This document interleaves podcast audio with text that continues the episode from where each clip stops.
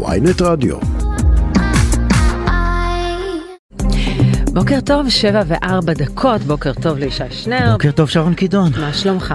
כמו שאמרה הנשיאה חיות, שלומי כשלום המדינה. אה, כן, בגלל זה אתה שופך קפה בכל מקום? אני כן משתדל לשפוך קפה במקומות, אני, אני מאמין שזה יצמיח משהו מהאדמה בסופו של דבר. אני לעולם אזכור שעליתי למשפט בצבא על uh, זה ששפכתי על מקלדת uh, משקה דיאט כלשהו. וזה ממש, ואני, אתה מכיר אותי, יקית כזו לא, את צריכה לעמוד בכל הכללים והכל, ועליתי למשפט. מבחינתי זה היה האירוע הכי מסעיר שקרה לי בשירות הצבאי. משפט מקלדת, תראי, זה... חלק מאיתנו חתומים על F-16 וטנקים ואת היית חתומה על... יפה, יפה, תקטין לא, את תרומתי. אני עליתי למשפט על מכשיר הקלטה, נו, מה, אני יכול לייצא פה לוחם חזק? לא, חס וחלילה. יש לנו לוחמים חזקים בליינאפ שאנחנו נדבר איתם. יש לנו לא מעט לוחמים. דרך אגב, שמעתי את הפרומואים, נניח של דודו ארז ויואב רבינוביץ', הם נורא מצחיקים, אנחנו לא מצחיקים על הבוקר, אנחנו מדכים. אנחנו כל הזמן עם ה... משילות וזה אנחנו צריכים להיות יותר מצחיקים אז כתבו לנו אם אתם תופסים אותנו מצחיקים או מדכאים על הבוקר ואנחנו נשתדל להתאים את עצמנו לפניית הקהל. מה שחשוב זה שתהיו מעודכנים. העורכת שלנו ריקי כרמי המפיקות יובל כהן ומאיה פרדו טכנאי השידור שלנו עמרי זנגר ואנחנו פותחים עם, ה, עם הטור הבוקר של מי שהיה סגן המפכ"ל לשעבר מפקד מחוז צפון מפקד הימ"מ לשעבר זוהר דביר שכותב. כותב אה, בטור דעה בוויינט, אין לי ארץ אחרת אבל האדמה בוערת לגמרי בוערת. אה, ואנחנו אומרים לו לא, בוקר טוב, זוהר דביר, שלום לך. בוקר טוב, שרון, ישי ולמאזינים. בוקר אור. אתה, ב... לא, אתה לא מפרסם טורים בדרך כלל. לא, אני משתדל למנן את ה... גם טורים וגם אה, רעיונות. אני מופיע כמובן מדי פעם כי אני חושב ש... אנחנו צריכים להשמיע את קולנו, במדינה דמוקרטית חייבים להשמיע את קולנו, אבל במינון הנכון, את יודעת, ההבדל בין תרופה ורע זה המינון. מה קרה עכשיו? אני חושב שיש פה נקודה קריטית מבחינת, מבחינת המדינה הזאת. יש פה דברים שיכולים להתערער בקלות, כמו האיזון, אני חושב שבאמת האיזון בין, ה, בין הגופים השונים, בין הרשויות השונות עלול להתערער. זה בסדר שרוצים לתקן, וצריך לעשות תיקונים והתאמות, לא מערכת המשפט נטייה מזה, ולא, ולא המשטרה, ולא כל שאר הדברים שרוצים לתקן, אבל כמו שאמרתי, כדי לשפץ כמה קומות בבניין רב קומות, אתה לא הורס את הבניין. אתה מחליט איפה אתה צריך לשפץ אחרי מיפוי מקצועי, אתה מביא מומחים, אתה מתכנן ומשפץ. אתה לא עולה על זה עם D9 ולא מפוצץ את הבניין. אבל איפה אתה רואה את זה, למה אתה מכוון יותר, בוא נגיד ככה, לרפורמות המשפטיות שההפגנות נגדן, או לבן גביר והיחס שלו למשטרה? אני חושב שיש כאן, יש פה, נקרא לזה צונאמי רב-ממדי. והכל ביחד, הכל מכל. אני מאמין שבסופו של דבר גם הדברים ימצאו את נקודת האיזון. אני משתדל להישאר אופטימי. אבל אני חושב שאנחנו צריכים uh, לקום ולומר, uh, uh, להיזהר מלהרוס את הכל עד היסוד, כי יכול להיות שמה שייבנה מחדש לא יהיה דומה למה שייחלנו, פיללנו, וזה לצורך העניין גם משהו שהוא בהתאם למגילת העצמאות. אבל, אבל, אבל יש פה מחנה פוליטי שעכשיו עלה לשלטון והוא אומר במשך שנים חברים המערכות הלכו הרבה מדי רחוק הרבה יותר צעדים ממה שקורה בכל מדינה אחרת מעבר לקו ואנחנו רוצים לאזן את זה לתקן את זה למה, למה להתייחס לזה דווקא במונחי uh, תמה או פינוי אני, בינוי? אני, אני, אני דבר שאני מסכים שכמו שאמרתי במדינה דמוקרטית יש בחירות ואף אחד לא מערער על תוצאות הבחירות ו... הרוב, הרוב ניצח, במקרה הזה רוב, רוב ימין מובהק, וזה בסדר, אני מקבל את זה לחלוטין, אני גם, אני לא, אני, אני מסרב להיות צבוע פוליטית בצורה ברורה וחד משמעית, אני בא באמת, באמת באמת מהמקום, נקרא לזה הממלכתי, המודע, כי אני חושב שחלק מהתהליכים הם תהליכים לא טובים, לא נכונים, ואני מקווה שלא יקחו אותם לקצה, אלא יימצאו איפשהו באמצע, ואני אומר זה בסדר, צריך לתקן. הרוב, הרוב, הרוב בחר, והרוב, הדברים היו גם לנגד העיניים. אז ידעו גם במה בוחרים, אבל עכשיו שניגשים למעשה, צריכים להיות טיפה יותר זהירים. אבל, אבל יש לך, יש לך הערות ספציפיות איך להיות יותר זהיר או איך לעשות את התיקון הזה שהם מייחלים לו באופן אה, אה, שיהיה מקובל על יותר צדדים? אני חושב שצריך לקחת לחלק מההחלטות טיפה יותר זמן ולקחת להיוועץ עם יותר, אה, יותר אנשים, יותר מומחים מכל הצדדים, מכל הכיוונים. אז, אז בוא ניתן דוגמה אפילו ממשטרת ישראל שקרובה ללבך, שירתת שם שנים ארוכות, הגעת עד להיות אה, סגן המפכ"ל. האם אתה חושב שהכניסה של אה, השר לביטחון לאומי ומיד הניסיון להכפיף חלק מה, מהפעילות אליו, אה, כשאנחנו רואים שלמשטרה היו אה, בעיות רבות גם לפני כניסתו, האם, זו, האם זה, זו, זו טעות? כלומר זו פוליטיזציה של המשטרה? אני חושב שזה בסדר. ותמיד היה כך שתהיה דירקטיבה מצד השר, תהיה הגדרת מדיניות, אבל לא תהיה חדירה לתחום הפעלת הכוח. הפעלת הכוח חייבת להישאר אך ורק בידי המפכ"ל ועל פי פרמטרים מקצועיים. איפה פורסים את הכוח, באיזה אמצעים משתמשים, יש פרמטרים מאוד מאוד תלויים, אה, מאוד אה, מובנים לעניין הזה. וראינו גם, גם, גם בהפגנה האחרונה. במוצאי שבת דווקא ראינו, ראינו שמי שניהל את העניינים היה מפקד מחוז תל אביב עמי אשד.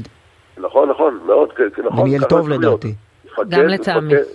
מפקד מחוז הוא הפונקציה, הוא זרועו של המפכ"ל לניהול בפועל של אירועים מהסוג הזה. הייתי מפקד מחוז צפון, היו לי אין סוף של הפגנות, כולל הפגנות מאוד מאוד רגישות על של, על רקע של מבצעים בעזה. ו, ו, ודגלי, ודגלי פלסטין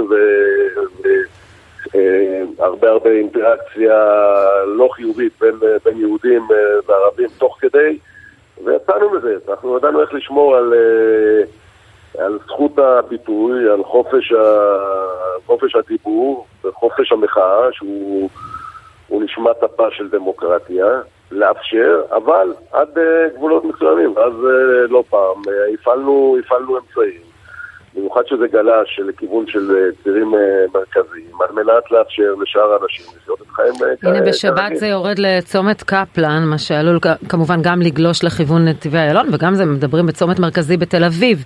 אתה חושב ששם ישתמשו באמצעים יותר, בוא נגיד, תקיפים כלפי הציבור, או שיכילו? תראי, אני, אני אגיד לך עוד פעם, מבחינה טקטית אתה תמיד מגדיר צירי פינוי, לכל אירוע כזה. Uh, במקרה הזה אני יודע שהגדירו את uh, ציר איילון כציר uh, חיוני שחייב להישאר פתוח. אתה לא רוצה שהכל יהיה צפוף, דחוס, ואם אתה צריך לפנות מישהו אתה לא יכול לעשות את זה. אז גם יש לך הגדרה של נגיד של צירי פינוי. יש, יש צירים שהם פחות קריטיים, יש צמתים שלך, יכול להיות שזה צומת שנראית מאוד מאוד... Uh, גדול, נכון, אורים זכר צומת, כן.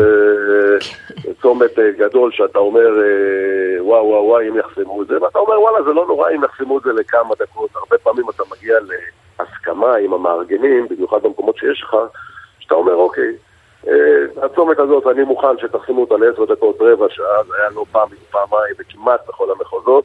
אחרי רבע שעה אתם מפנים אותה, בלי הפעלת אמצעים, זה גם מתפנה יותר מהר, וגם אין את התמונות הקשות, וכולם... אה, והחשש שלך זה שכשהשר לביטחון לאומי הוא זה שנותן הוראות מבצעיות למפקד המחוז, ייכנסו שיקולים פוליטיים של פינוי ההפגנה, שלא תהיינה תמונות וכולי. אני חושב שחד משמעית, ברגע שאתה נכנס להפעלת הכוח, ואתה יכול דרך הפעלת הכוח ליישם את האג'נדה שלך, אז אני חושב שמהרגע הזה, זה צמדת את המשטרה. אבל מה שראינו במוצאי שבת לא מוכיח את ההפך? שאפילו אחרי כן, אה, תיקוני בן גביר והדיבורים והזה, בסוף אה, אה, המשטרה מתנהלת בעצמה, ובן גביר מלמעלה מנסה להתוות איזה עקרון שוויון לשיטתו, אבל בסדר, בסוף עמי אשד מנהל את העניינים. אם זה יישאר ככה, נהדר, זה מה שאני אומר. אני אומר, זה צריך להישאר ככה. ככה זה היה, אפשר להגיד, עד היום. שאם זה יישאר ככה, מצוין. אתה לא יכול להתערב, אתה לא יכול להגיד למפקד המחוז, mm-hmm. היום אתה מפעיל מכתזיות. הוא אומר לך, אבל אני לא צריך, יש לי מדרגים קודמים שאני מסתדר איתם. לא, אתה תפעיל בפקודה. זה לא עובד ככה. ואם זה ימשיך ככה, אז, אז, אז, זה כיוון נכון, זה בדיוק הנקודות שאמרתי שבהם הדברים יכולים כן. עכשיו, עכשיו ביחס, ביחס לבית המשפט מעניין אותי מאוד, אתה אה, היית סגן מפקד המשטרה, אמרת היית מפקד המחוז הצפוני, פיקדת על הימ"מ, לא נתקלת בנקודות, באירועים, בחיכוכים שבהם אמרת בג"ץ הלך לכיוון ש, שחייבים לתקן משהו כי אנחנו צריכים לפעול פה ופה ופה? אני חייב לומר לך שלא לא, לא, לא על הכל הסכמתי, כן? סתם, נגיד שמדובר עכשיו, לא יודע מה, על הריסת אה, בית של אה, מחבל. לפעמים בג"ץ היה, אתה אומר, וואלה, אני הייתי רוצה שהבית הזה ייהרס, אבל אני מקבל את זה כחלק מכללי משחק דמוקרטיים, שהכוח לא מרוכז בצד אחד ולא אתה מחליט ואין מי שיעצור אותך. כל מערכת הדמוקרטית מבוססת על בלמים ואיזונים, אם אנחנו מפרים אותם, אנחנו יכולים uh, להגיע למקומות uh, לא טובים. ברור, השאלה אם בתוך המערכת של בלמים ואיזונים אתה הרגשת שהמצב בישראל הוא אני, תקין, אני, או שצריך לאזן את האיזונים? אני, אני, אני, אני חשבתי, ואמרתי את זה גם לא פעם, שאני חושב שמערכת המשפט כן זקוקה לעדכונים, ואני מדבר בעיקר, אני, אני דיברתי מהזווית של, נקרא לזה, ענישה.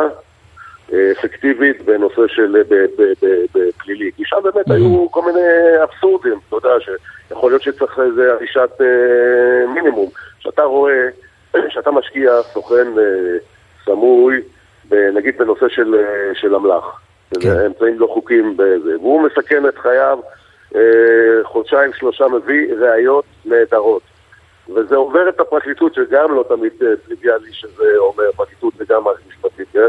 אה, לא, לא עובר את הפרקליטות כי הם רוצים אה, סיכויי הרשעה גבוהים וזה עובר וזה הגיע לבית משפט, אתה רואה שבסוף בן אדם יוצא עם עונשים אה, מגוחכים. אז אני אומר, צריך, היה, היה כאן סוף סוף כאן חידוד מערכות, אבל לא להרוס את הכל. אני חושב שבג"ץ הוא השכפ"ץ שלנו כלפי חוץ וגם כלפי פנים. אז נכון, עדכונים, הרכבים, אה, אפשר, אפשר לדבר על הכל, אבל אם אנחנו, אנחנו רואים את התהליך שקורה עכשיו, שכל הכוח ירוכז בידי הרשות המחוקקת, המבצעת, כאשר אה,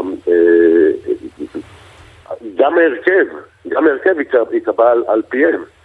אז צריך למצוא כאן איזונים, צריך למצוא כאן את נקודות העצירה. ולא, אה, כמו שאמרתי, לא להרוס את הבניין רב קומות הזה בהינף יד. זוהר דביר, סגן המפכ"ל לשעבר, ניצב בדימוס, אה, תודה רבה על השיחה והטור שלך היום בוויינט. תודה, תודה רבה, ושלנו יום אה, שקט ורגוע לכולם. תודה. אמן. אמן. שאלה כן. לי אלייך. הצלחת להבין אתמול, אני האזנתי רוב קשב לראיון של יאיר לפיד כאן בוויינט, כן. שבו הוא הסביר למה הוא לא הגיע להפגנה במוצאי שבת. הצלחת להבין את התשובה? לא, לא הצלחתי להבין את התשובה, אבל אולי חבר הכנסת ולדימיר בליאק. מה זה, אבל, אבל. למה לא, למה לא, לא יצאת, לא למה לא הופעת יחד עם המפגינים? לא מבינה. ראינו את מנסור עבאס. אמ, כולם, כולם, כל ראשי, כל ראשי המחנה, כן, האופוזיציה חוץ מראש האופוזיציה. כן, אז זו שאלה מצוינת להפנות לחבר הכנסת ולדימיר בליאק יש עתיד, בוקר טוב לך. שלום, בוקר טוב. מה, הוא מפחד מגשם לפיד? אני חושב שאנחנו מספיק אה, מכירים את לפיד כדי לדעת שהוא לא מפחד משום דבר והוא הוכיח את זה לא פעם. לכן שאלתי עם חיוך, אבל מה, מה השיקולים האמיתיים? תראו, קודם כל אני, אני חייב להגיד שהאירוע מאוד מאוד מרגש וכמעט כל חברי כנסת של יש עתיד היו, היו בכיכר.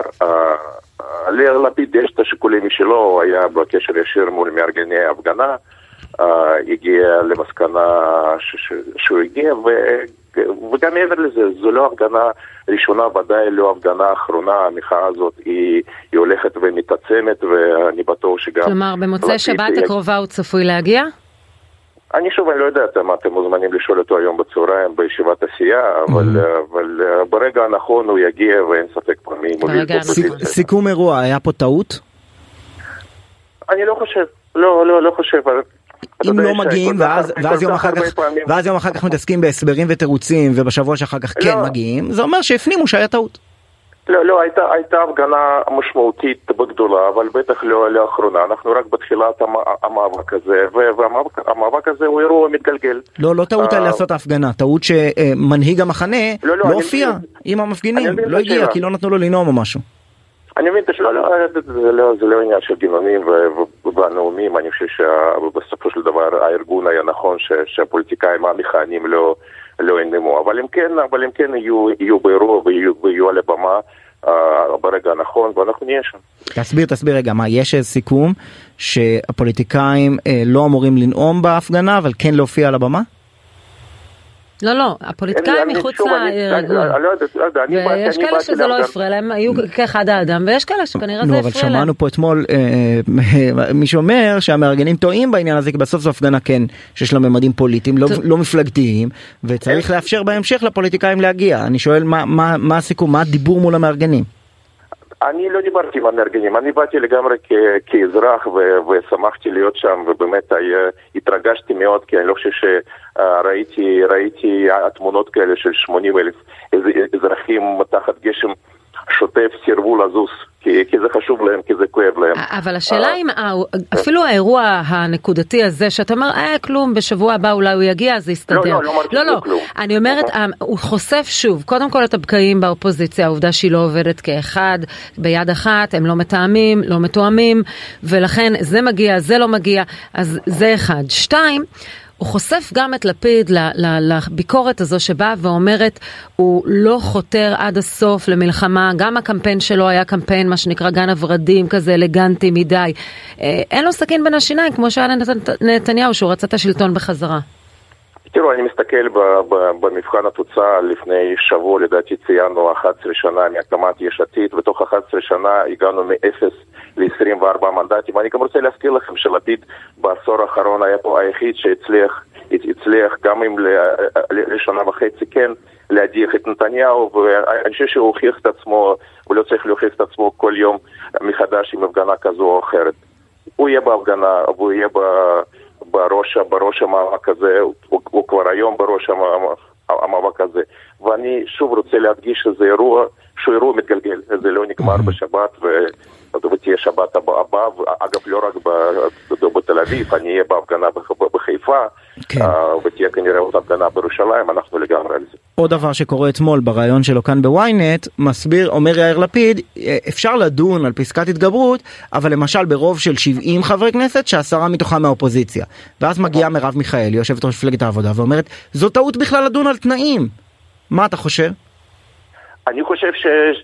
שגם אתמול, אה, אני שמעתי את הרעיון באולפן שלכם, הוא דייק, הוא אמר שבעבר הוא התבטא בעד פסקת ההתגברות ונקב גם במספר של ה-70 עם, עם עשרה חברי אופוזיציה, אבל באותה נקודה הוא גם הדגיש שאנחנו לא בדיון אקדמי, לגמרי לא בדיון אקדמי ואנחנו מצוינים בדיונים אקדמיים, אבל אנחנו באירוע אחר, אנחנו באירוע שחבורה של אנשים שהגיעו לשלטון באמצעות תהליך דמוקרטי, מנסים להרוס את הדמוקרטיה ממניעים אישיים, ואנחנו מכירים את המניעים האלה של נתניהו, של אריה דרעי, של בן גביר ועוד. ולכן אנחנו לא בדיון ש... שהוא דיון תיאורטי שאנחנו בכלל יכולים לנהל פה משא ומתן על, על מספר כזה או אחר, 61, 65 או 70, יכול להיות שבנסיבות אחרות... אז אתה מסכים עם מרב כן, מיכאלי והביקורת שלה? אני לא... לא שזה לא, לא הזמן לדון בתנאים?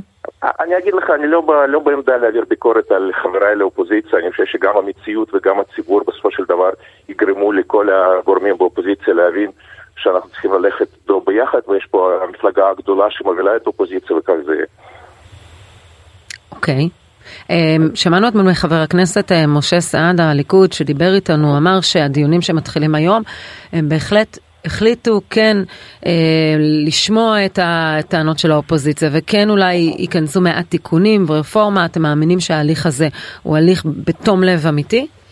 אני אפילו עוד לפני, עוד לפני הדיון, אה, איך, אומרים פעם, איך אמר פעם איתן כבל, אתם לוקחים אותי לפרוצדורה, אז, אז אם אנחנו מדברים על, על פרוצדורה, אפילו כאן הם נכשלים.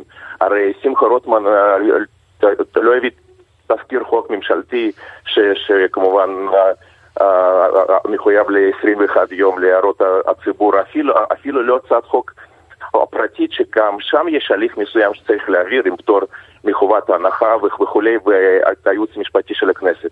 הוא הביא איזשהו יצור כליים של הצעת חוק מטעם הוועדה, שגם בוועדה כמובן אין קונסנזוס לגבי, לגבי זה. אז עוד לפני שאנחנו uh, הולכים או לא הולכים לדון על פרטי ההצעה, שגם לכשעצמה היא זוועתית. יש פה כשל מאוד גדול בהליך, ועל זה אנחנו הולכים לדבר עבור. אבל אתם הולכים או לא הולכים? לדון בפרטים או שאתם תגיעו רק לעשות אופוזיציה ולצעוק?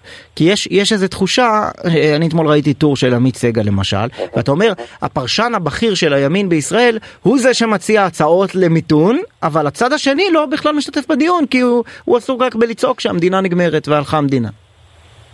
המדינה לא נגמרת, ואנחנו אמרנו מלכתחילה שאנחנו נהיה בכל מקום ונשתמש בכלים הפרלמנטריים והחוץ פרלמנטריים. והכלים הפרלמנטריים שלנו זה להגיע לוועדה, והיום זה מתחיל בתשע וחצי, ואנחנו נהיה שם כדי להשמיע את הקול שלנו ואת הטענות שלנו. אני לא מזה, אני גם שומע את שמחה רוטמן ואת שר המשפטים שאני מאוד מכבד אותו, ואני גם מבין שאולי להבדיל מטרמפיסטים אחרים זו זו האג'נדה שלו, אבל מצידם אין באמת שום רצון לשום הידברות, הם, הם רוצים ללכת ולדרוס אותנו ולרמוס אותנו ולא רק אותנו. להפך, הם אומרים בכל הזדמנות שהם רוצים הידברות איתכם. שהם רוצים, להעביר, שהם רוצים להעביר את הרפורמות האלה ב, ב, בהסכמה רחבה ככל הניתן, עם תוך הבנה שבסדר, הם בשלטון ואתם לא, לא מסכימים לשום שינוי, אבל משהו בכל זאת. לא מביאים רפורמה בהסכמה שבה בוועדה לבחירת השופטים יש רוב של שמונה מול שלושה לפוליטיקאים. בואו, זה לא רציני. זה, זה, זה, זה באמת, זו מתקפה ברוטלית לכל הליך דמוקרטי שאני...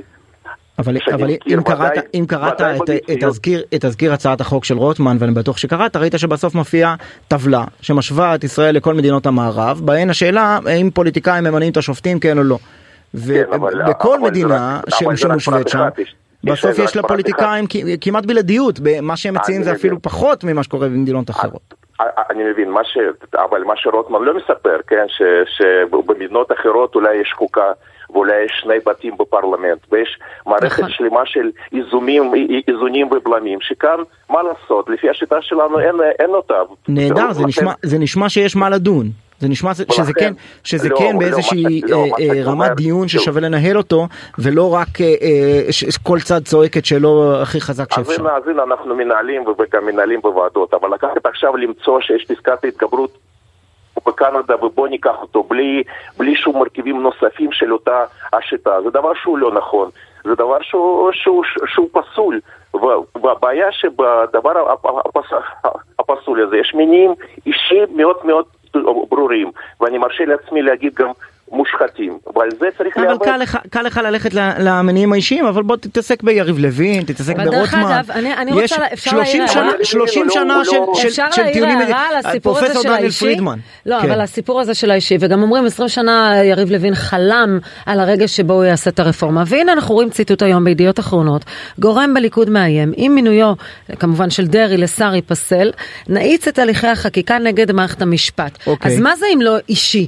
מה, אם אתם תאיצו יאיצו הליכים בגלל שהוא ייפסל, אז זה אומר שכנראה לא חלמו רק על זה 20 שנה, אלא גם זה נועד אה, אינסטרומנטלי לשרת לא, גם את השלטון. או שהם תופסים ש, ש, שזה העץ בגץ, בדיוק. אם בג"ץ יפסול היום את מינוי דרעי, לא, זה, זה יהיה זה התערבות בוטה מאוד זה... בהכרעת הבוחר.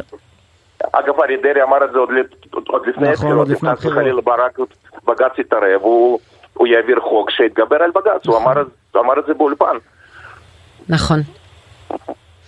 טוב, חבר הכנסת ולדימיר אה, בליאק, יש עתיד, אתה, אנחנו קיבלנו ממך רמז של לפיד יהיה במוצאי שבת הקרובה בקפלן. אה, אנחנו נשמע על זה, על זה ברגע הנכון. טוב. תגיד, אה, אתה כן. מצפה מהיועצת המשפטית לממשלה להשיב אש, להשיב מלחמה, בצורה למשל שהיא תבקש להוציא את נתניהו לנבצרות? אני לא, לא מתערב בשיקולים של היועצת המשפטית לממשלה, אני כן חושב ש... אתה יודע, יש את הקלישה שאומרת, יש רגעים ב, ב, בחיי האומה, אז mm-hmm. אנחנו ברגע שבחיי האומה שכל אחד צריך לקום ולהשמיע קול, כי, כי זה לא ימין או שמאל, מדובר בסופו של דבר בסוף הדרך בזכויות של כולנו, בזכויות היסוד, ואני, אתם יודעים, אני נולדתי במדינה שהיא לא מדינה דמוקרטית ויש לי אולי פרספקטיבה אחרת לראות את הדברים. יש, יש רגעים שצריך לקום ולהשמיע קול כל אחד בעמדה שלו, וזו הנשיאה, וגם נשיא המדינה, וגם היועצת המשפטית לממשלה, כולם ביחד, אני מאוד מקווה ש, שאנחנו נשלב כוחות ונעצור את הסכנה הזאת. חבר הכנסת ולדימיר בליאק, מיש עתיד, תודה רבה. תודה רבה. תודה לך. ושיא, שיא של 20 שנה, אינפלציה זינקה ב-5.3 אחוזים. אולי נקודת אור קטנה זה שמחירי הדירות, אה, עליית המדד שלהם נבלמה, למרות שבשנתי הם עדיין 18.8 אחוזים. כן, אם כי זה גם תופעת בחירות. בכל פעם שיש בחירות, אה, אנשים משהים ביקושים בדיור, כדי לחכות לראות מה, מה תעשה הממשלה החדשה. אה, זה אומר בסך הכל שבחישוב שנתי, מחירי הדירות לא זינקו ב-20 אחוז, אלא ב-18.8. כן, זה, זה ההפרש. אבל, אבל באמת, אם בחישוב על דצמבר, אז, אז מחירי הדיור עלו רק ב-0.3 אחוזים, בחלק מהמקומות בארץ כבר ירדו. השאלה אם זו מגמה. והאינפלציה בחישוב שנתי מגיעה ל-5.3 אחוזים, בהשוואה בשנה שעברה, ב-21, כלומר, זה היה 2.8 אחוז, ובשנה שלפניה, שנת הקורונה 2020, האינפלציה ירדה, היה דפלציה של 7 עשיריות האחוז. אז האם מחירי הדיור אה, יורדים? אוהד אנוס, לשעבר יושב ראש לשכת השמאי, שלום לך. בוקר טוב חברים. נו, זה מעודד או ש... תראי, זה ברור שזה מים. מעודד, כן. זה, זה יותר טוב מאשר אם זה היה עולה, mm-hmm. אין ספק בכלל, אבל רק תיקון קטן אחד, אנחנו כן. מדברים על אה, אוקטובר-נובמבר כרגע. זה לא, לא עדיין לא נתוני דצמבר? לא, לא, עדיין לא, תמיד הלמ"ס מוציא אחורנית, יש זמן עד שמדווחים למס שבח על עסקאות, ולכן... אה, אתה מדבר על נתוני הדיור, כי האינפלציה היא כן לדצמבר. לא, ברור, לא, כן. ברור. לשנתית ל-2022, כן. כן. אוקיי, כן. אז, אז, אז העלייה במחירי הדירות התמתנה, אתה מעריך ש, שכשיצאו אה, הנתונים של החודש הבא, זאת אומרת כשיצאו נתוני דצמבר, אנחנו נראה המשך אה, התמתנות המחירים? כן, אני מעריך שכן. תראה, בסופו של דבר מה, מה שקורה עכשיו זה מה שהיה צפוי שיקרה כשהריבית התחילה לעלות. זה גם מגיע מהפריפריה בעיקר, אה, במחוז מרכז אמנם נרשמה ירידה קטנה של 0.3%, אבל זה נובע יותר מאיזשהו תיקונון טכני, אני לא יודע אם זה אפילו בתחומי סטיית התקן, אם זה בכלל משהו שצריך אה, שווה לדבר עליו. אנחנו כן רואים שבפריפריה הצפונית והדרומית, איפה שהשחקנים פחות חזקים, איפה שיש היצע גדול יותר, אז אנחנו כבר כן, כן. רואים התמקדות שהיא רצינית. איפה זה קורה שיש ירידת מחירים בדיור?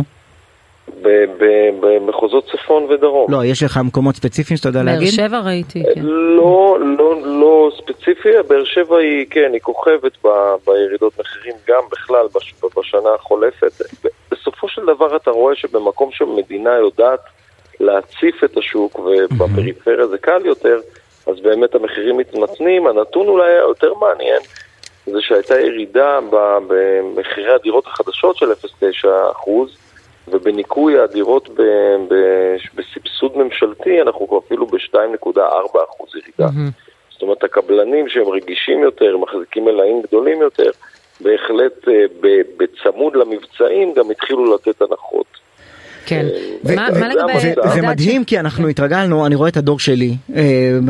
ואני רואה את זה מסביב כל הזמן, רצים לקנות דירה, לא משנה מה, העיקר שיהיה לך איזושהי דירה, איזושהי פיסת נדל"ן, לוקחים אנשים, זוגות צעירים נכנסים למשכנתאות, לחובות עצומים, מתוך אה, הבנה וידיעה שבכל תקופת חיינו מחירי הנדל"ן עלו, הם תמיד ימשיכו לעלות, והנה אתה רואה שאם אתה קונה קצת מחוץ לאזורי הביקוש, בתקופות מסוימות שלא יכולנו לשער עד לפני שנה-שנתיים, יכול להיות ירידות מחירים.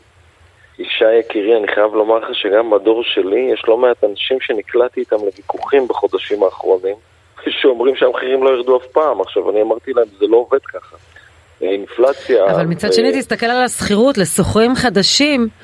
השוכרים החדשים שילמו. כן. מעל 8 אחוזים יותר, כלומר, נכון. להשקיע כסף בשכירות, כשאתה לא, בעצם אתה לא חוסך שום דבר. אל תשכחי שגם המשכנתאות כן. התייקרו בגלל ריבית. גם המשכנתאות, אה, נכון, אה, אבל השיקול הזה. עכשיו כן, כשיהיו תוכניות של אה, דירה להשכיר של שכירות לעשר שנים, אז גם יש לך ביטחון, לא, אתה לא מנהל משא ומתן כל פעם עם איזה בעל, בעל דירה שמנצל את מצבך ו, ומעלה את שכר הדירה. צריך לשים לב לעוד נתון, מדד תשומות הבנייה, שהשפיע מאוד על מי שקנה דירה חדשה, כי אה, מצד אחד לאנשים אין את ההון, יש להם הון התחלתי, הם לוקחים עליו משכנתה, ורבים מהם משאירים את זה, כשהם קונים על הנייר, משאירים את זה לסוף התהליך, ואז הם חוטפים את מדד תשומות הבנייה. כן, עלה כמעט בחמישה אחוזים. כן, אבל יחסית לעבר הוא, הוא פחות uh, גבוה. שרון, זה נכון מאוד מה שאמרת. הנושא של השכר דירה זה שילוב של שני דברים. עלייה במחירי השכירות שנובעת כתוצאה מעליית מחירי הדיור, והדרה של, מש... של משקיעי נדל"ן שהחלה איפשהו בנובמבר 2021, כשהעלו את המס הרכישה שוב. עכשיו, הדברים האלה באמת מייצרים מצב שהאוכלוסייה אולי החלשה ביותר, צעירים, זוגות צעירים שאין להם כסף והון עצמי לקנות דירה, הם, הם משלמים עכשיו יותר, וחברת דירה להשכיר שעובדת ועובדת יפה צריכה לעבוד הרבה יותר חזק, ואני מאוד מקווה שהממשלה הזו לא תעסוק במי הקים את דירה להשכיר, אלא יותר בלצקת עוד ועוד תוכן לחברה הזו, כי בכל מקום שמוקם פרויקט שלה אנחנו רואים שיש ירידה באותה שכונה של מחירי השכירות, בגלל שמייצרים אופק, בגלל שמאפשרים לאנשים צעירים לא לעסוק בחלום הזה של דירה, כי יש להם אה, השכרה לעשר שנים, שקטה, טובה, עם מחירים ידועים, ולא איזה מזכיר אה, פרטים, כל מיני גחמות.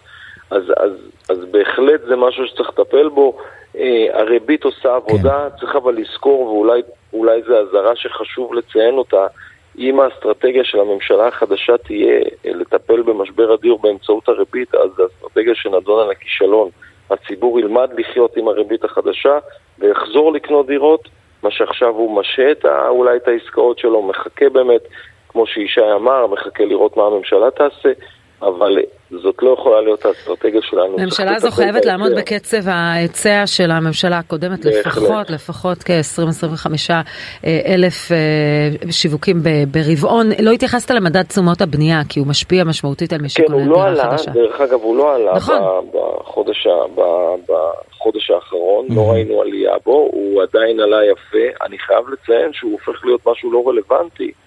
בגלל החוק אה, החדש. גם החוק החדש וגם העובדה שהרבה מאוד קבלנים היום במבצעים הם כבר מוותרים לך על העלייה הזאת. Mm. הם גם הבינו ששרשראות הייצור והאספקה חזרו לעבוד בתפוקה מלאה ואין משהו שאמור כרגע, אין איזה סכנה אה, שהם ישלמו הרבה הרבה יותר על תשומות הבנייה שלהם ולכן הם, אה, חלק מהמבצעים שהם עושים היום זה לוותר לך על המדד הזה לשלם 20% היום ו-80% בסוף. אוהד אנוס, בשורה התחתונה אתה רוצה לתת פה איזה הערכה מה יקרה ב-2023? מחירי הדירות ימשיכו אה, להתמתן או לרדת או יזנקו בעוד 20%? אני את ההערכה שלי כבר נתתי ואמרתי שנראה לי שהמחירים יכולים לרדת, הם, הם ירדו בממוצע, הם יכולים לרדת אפילו עד 10%. זה לא יקרה בכל הארץ, זה לא זהו, לא יקרה איפה? בתל אביב. Mm. זה יקרה יותר בפריפריה ושם הירידות מחירים אפילו יותר גדולות וזה מה שייצור את הממוצע הזה. אמ, אני כן חושב שזה מאוד תלוי במה תעשה הממשלה ובמה יעשה הנגיד. אני כרגע רואה את ה-4.25 פריים קל, ויכול להיות שאפילו יותר, הוא מסוגל כן. להגיע אפילו עד חמישה אחוז ריבית כן. פריים. ד, די ברור שה, שהמשמעות של הנתונים שפורסמו אתמול זה עוד העלאת כן. ריבית כן. בהעלאה הקרובה של בנק ישראל. אוהד אנוס, לשעבר יושב ראש לשכת השמאים, תודה רבה שדיברת איתנו. תודה ויום טוב חברים. הפסקה מיד חוזרים.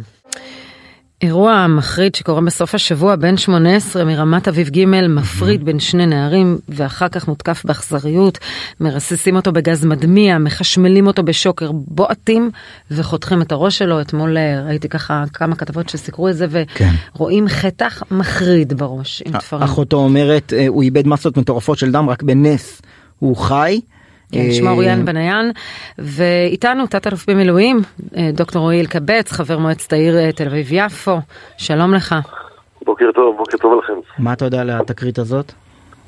אה, קודם כל זה קרה ממש, ממש קרוב לבית שלי, ככה במקרה. תקרית חמורה ממש, כלומר אני גר בשכונה שאני גר בה למעלה מ-20 שנה, לא זכור דבר כזה בשכונה או באזור בכלל. רמת אביב ג'. כן. ואתה אומר לא, לא זכור דבר כזה, כשהוא הגיע בכלל להפריד בקטטה. תופעה של אלימות כל כך קיצונית על ידי אנשים כל כך צעירים, זה צריך אה, מאוד מאוד מאוד להביא את כולנו. אה, אנחנו זוכרים שרק שבוע שעבר נרצח אה, נתנאל אהרון, זכרונו לברכה בראשון לציון, כלומר אלימות של בני 15, mm-hmm. בכזאת אה, אכזריות, זה דבר מאוד מאוד מטריד. ו... אני מאוד מוטרד ועוסק בזה מאז האירוע עצמו, ואני חושב שיש לנו הרבה מה לעשות. אנחנו רואים הסלמה באירועים מהסוג הזה? גם אם לא תקריות כאלה חמורות, אבל יותר מעשי אלימות? התחושה, התחושה שלי שלאורך השנים כן, אני אגיד בסוף בסוף, אלימות בחברה הישראלית. גם בשיח הציבורי הכללי, מגרשי הכדורגל לאוהדי כדורגל כמונו. ובסך הכל הספירה הציבורית הישראלית, בתקשורת, בהתלהמויות, בכל, המנגינה היא כזאת של אלימות. הדבר הזה משדר. אני חושב שהיו תקופות אלימות מאוד אה, במדינה, אבל היום אנחנו בתקופה שבסך הכל עם השנים היה בסך הכל אה, מערכת יציבה. אני חושב שיש כן אה, הסלמה, בטח בגילאים, ויש כמה מרכיבים שצריך לטפל בהם לדעתי, בכל הסיפור הזה. שתף אותנו מה, אם ההורים בשכונה מרגישים חשש והילדים מאוימים, כן? יש חשש גדול שהמשפחה עצמה, עצמה ממש, ממש מהבוקר מחוששת גם לבני המשפחה האחרים. מה, שיבואו לנקום?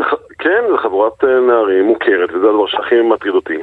חלק מהאנשים לא מכיר את השמות שלהם, לא את הזהות שלהם, בטח לא לפרסם את זה, אני גם לא יודע. הם גם תושבי אה, רמת אביב ג'? אני לא יודע אם רק רמת אביב ג' או מהאזור, רמת אביב. אה, לומדים בכמה מוסדות חינוך, בלי שאני אכנס לפרטים, כי אני באמת לא בקיא בהם, אני רק יודע על חלק מהסיפור. לא, אם הם קטינים אז ודאי אסור. לפי מה כן, כן, שסיפרה לא- אחותו, לא ש- לפי מה שסיפרה אחותו, הוא הפריד באיזה קטטה אה, של- של נערים. הוא בא מטוב ליבו להפריד והם בקטטה. יצאו מהמקום והוא חשב שהכל בסדר, פתאום חוזרים חבורה של נערים עם כובעי גרב. אה, אה, על הפרצוף, אומרים לו אתה חושב זה יבוא לך בשתיקה, ופשוט עושים בו לינץ', והוא בחור לא לא פראייר בכלל. הוא היא אמרה, הוא, לוחם. בג'ודו, יש לו 120 קילו של שרירים, אבל מול אנשים שמחשמלים אותך. ודוקרים אותך. שלי ראתה את זה בשידור חי והיא צילמה את זה גם. כלומר, הוא- היא ראתה את זה שפשוט אה, מחשמלים אותו עם שוקר, זאת אומרת, זו אכזריות בלתי נתפסת. ואחרי זה חותכים לו עם סכין יפני את הקרקפת. זה דבר שהוא נורא. עכשיו צריך להבין, זה קבוע שבוע שעבר, וזה קרה בקריית שמונה. עכשיו אני, אני, צריכים להבין מה אנחנו כחברה עושים. יש כאן אה, אה, משהו חברתי. אני חושב שיש כמה הבנות שצריך לטפל בהן ברמה של גם אנחנו בעיריית תל אביב ואני וחבריי וראש העיר. שאגב מטפלים בזה עכשיו במלוא הדחיפות, אבל העניין של אחרי האירוע עצמו, בתקופה הקרובה והקצרה, זה, זה קל. שאלה מה עושים בטווח הארוך. ואני חושב שקודם כל צריך להבין אה, שהילדים שלנו באחריות שלנו גם אחרי שעות הלימודים. קודם כל, כאילו, זה סוג של אה, למוסדות, לכל מי שמתחכך עם הילדים, גם אה, בתנועות הנוער וגם בכל המסגרות האחרות, וגם בקהילה. אה, אני חושב שיש לנו הרבה מה לעשות. מצד אחד, אה, כל הזמן אומרים, אה, בכל הכיוונים צריך לאכוף את הסמכות של ההורים ואחריות ההורים. אחריות ההורים, קודם כל, חד משמעית, אחריות ההורים. אבל לא כל ההורים מצליחים להשתלט על הילדים שלהם. בתקופת הקורונה שדפקה את הילדים, חלקם, את ההתנהגות ואת הכישורים החברתיים, סמכות ההורית לא תמיד עובדת, ולכן יש מערכות למדינה. וגם גם בעיר תל אביב וגם בכלל.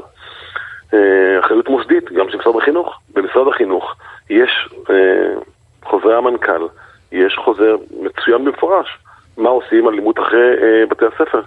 אבל מדברים על מידע שיובא לידיעת המנהל או המורים. עכשיו, אם אתה רוצה אה, לעצום את עיניך, אז לא מגיע לך המידע. כן, אבל ה- הילדים האלימים של היום עושים את זה עד כדי כך, אנחנו זוכרים את האירוע הזה, שבו הם נכנסים לחדר המנהל, ושם הם תוקפים נער, נדמה לי ברחובות זה היה? אה, אתה זוכר ישי? לא, לא, לא שנכנסים זוכר לחדר המנהל. כן. אז אה, זה לא מפריע להם עם הצוות החינוכי. שרון, אני אתן לך דוגמה קטנה, סתם דוגמה. הייתה לאחרונה, גם בחודשים האחרונים, ממש לא, לא הרבה חודשים, אירוע אה, אלימות. די קשה בתנועות הנוער, תנועת אחת בתנועות הנוער, אה, בין שני שבטים, ונדליזם רציני, אלימות כאילו לא, לא מקובלת. טופל בנחישות, במקרה הזה, אה, זה המינהל קהילה. אה, ראשת המינהל תפסו את הסיפור הזה, אחזו אותו כמו שצריך, גרמו לכך שהנערים הגיעו למשטרה, חקרו אותם כמו שצריך והבהירו להם את המצב, כפו תשלום על ההורים על הוונדליזם, ואני חושב שהסיפור הזה זה רק דוגמה אחת למה Mm, זה מעניין אה, לכפות על ההורים תשלום על ונדליזם, זה לא, אולי... זה, זה מה שקרה גם במקרה כן. הזה. כי אנחנו יודעים שעם הזה- עם קטינים בוודאי אה, מ- נוהגים בכפפות של משי, לא לא, בדרך אבל כלל, גם. זו, זו כאן הדילמה. כן. אתה, מצד אחד אנחנו חלק מה... כלומר, אנחנו כבר יודעים איפה הכנופיה הבאה כבר מכירים ב, באזור, מה שנקרא. שגם הם אה, כאילו ילדים שלומדים כולם בבית ספר הם אלימים.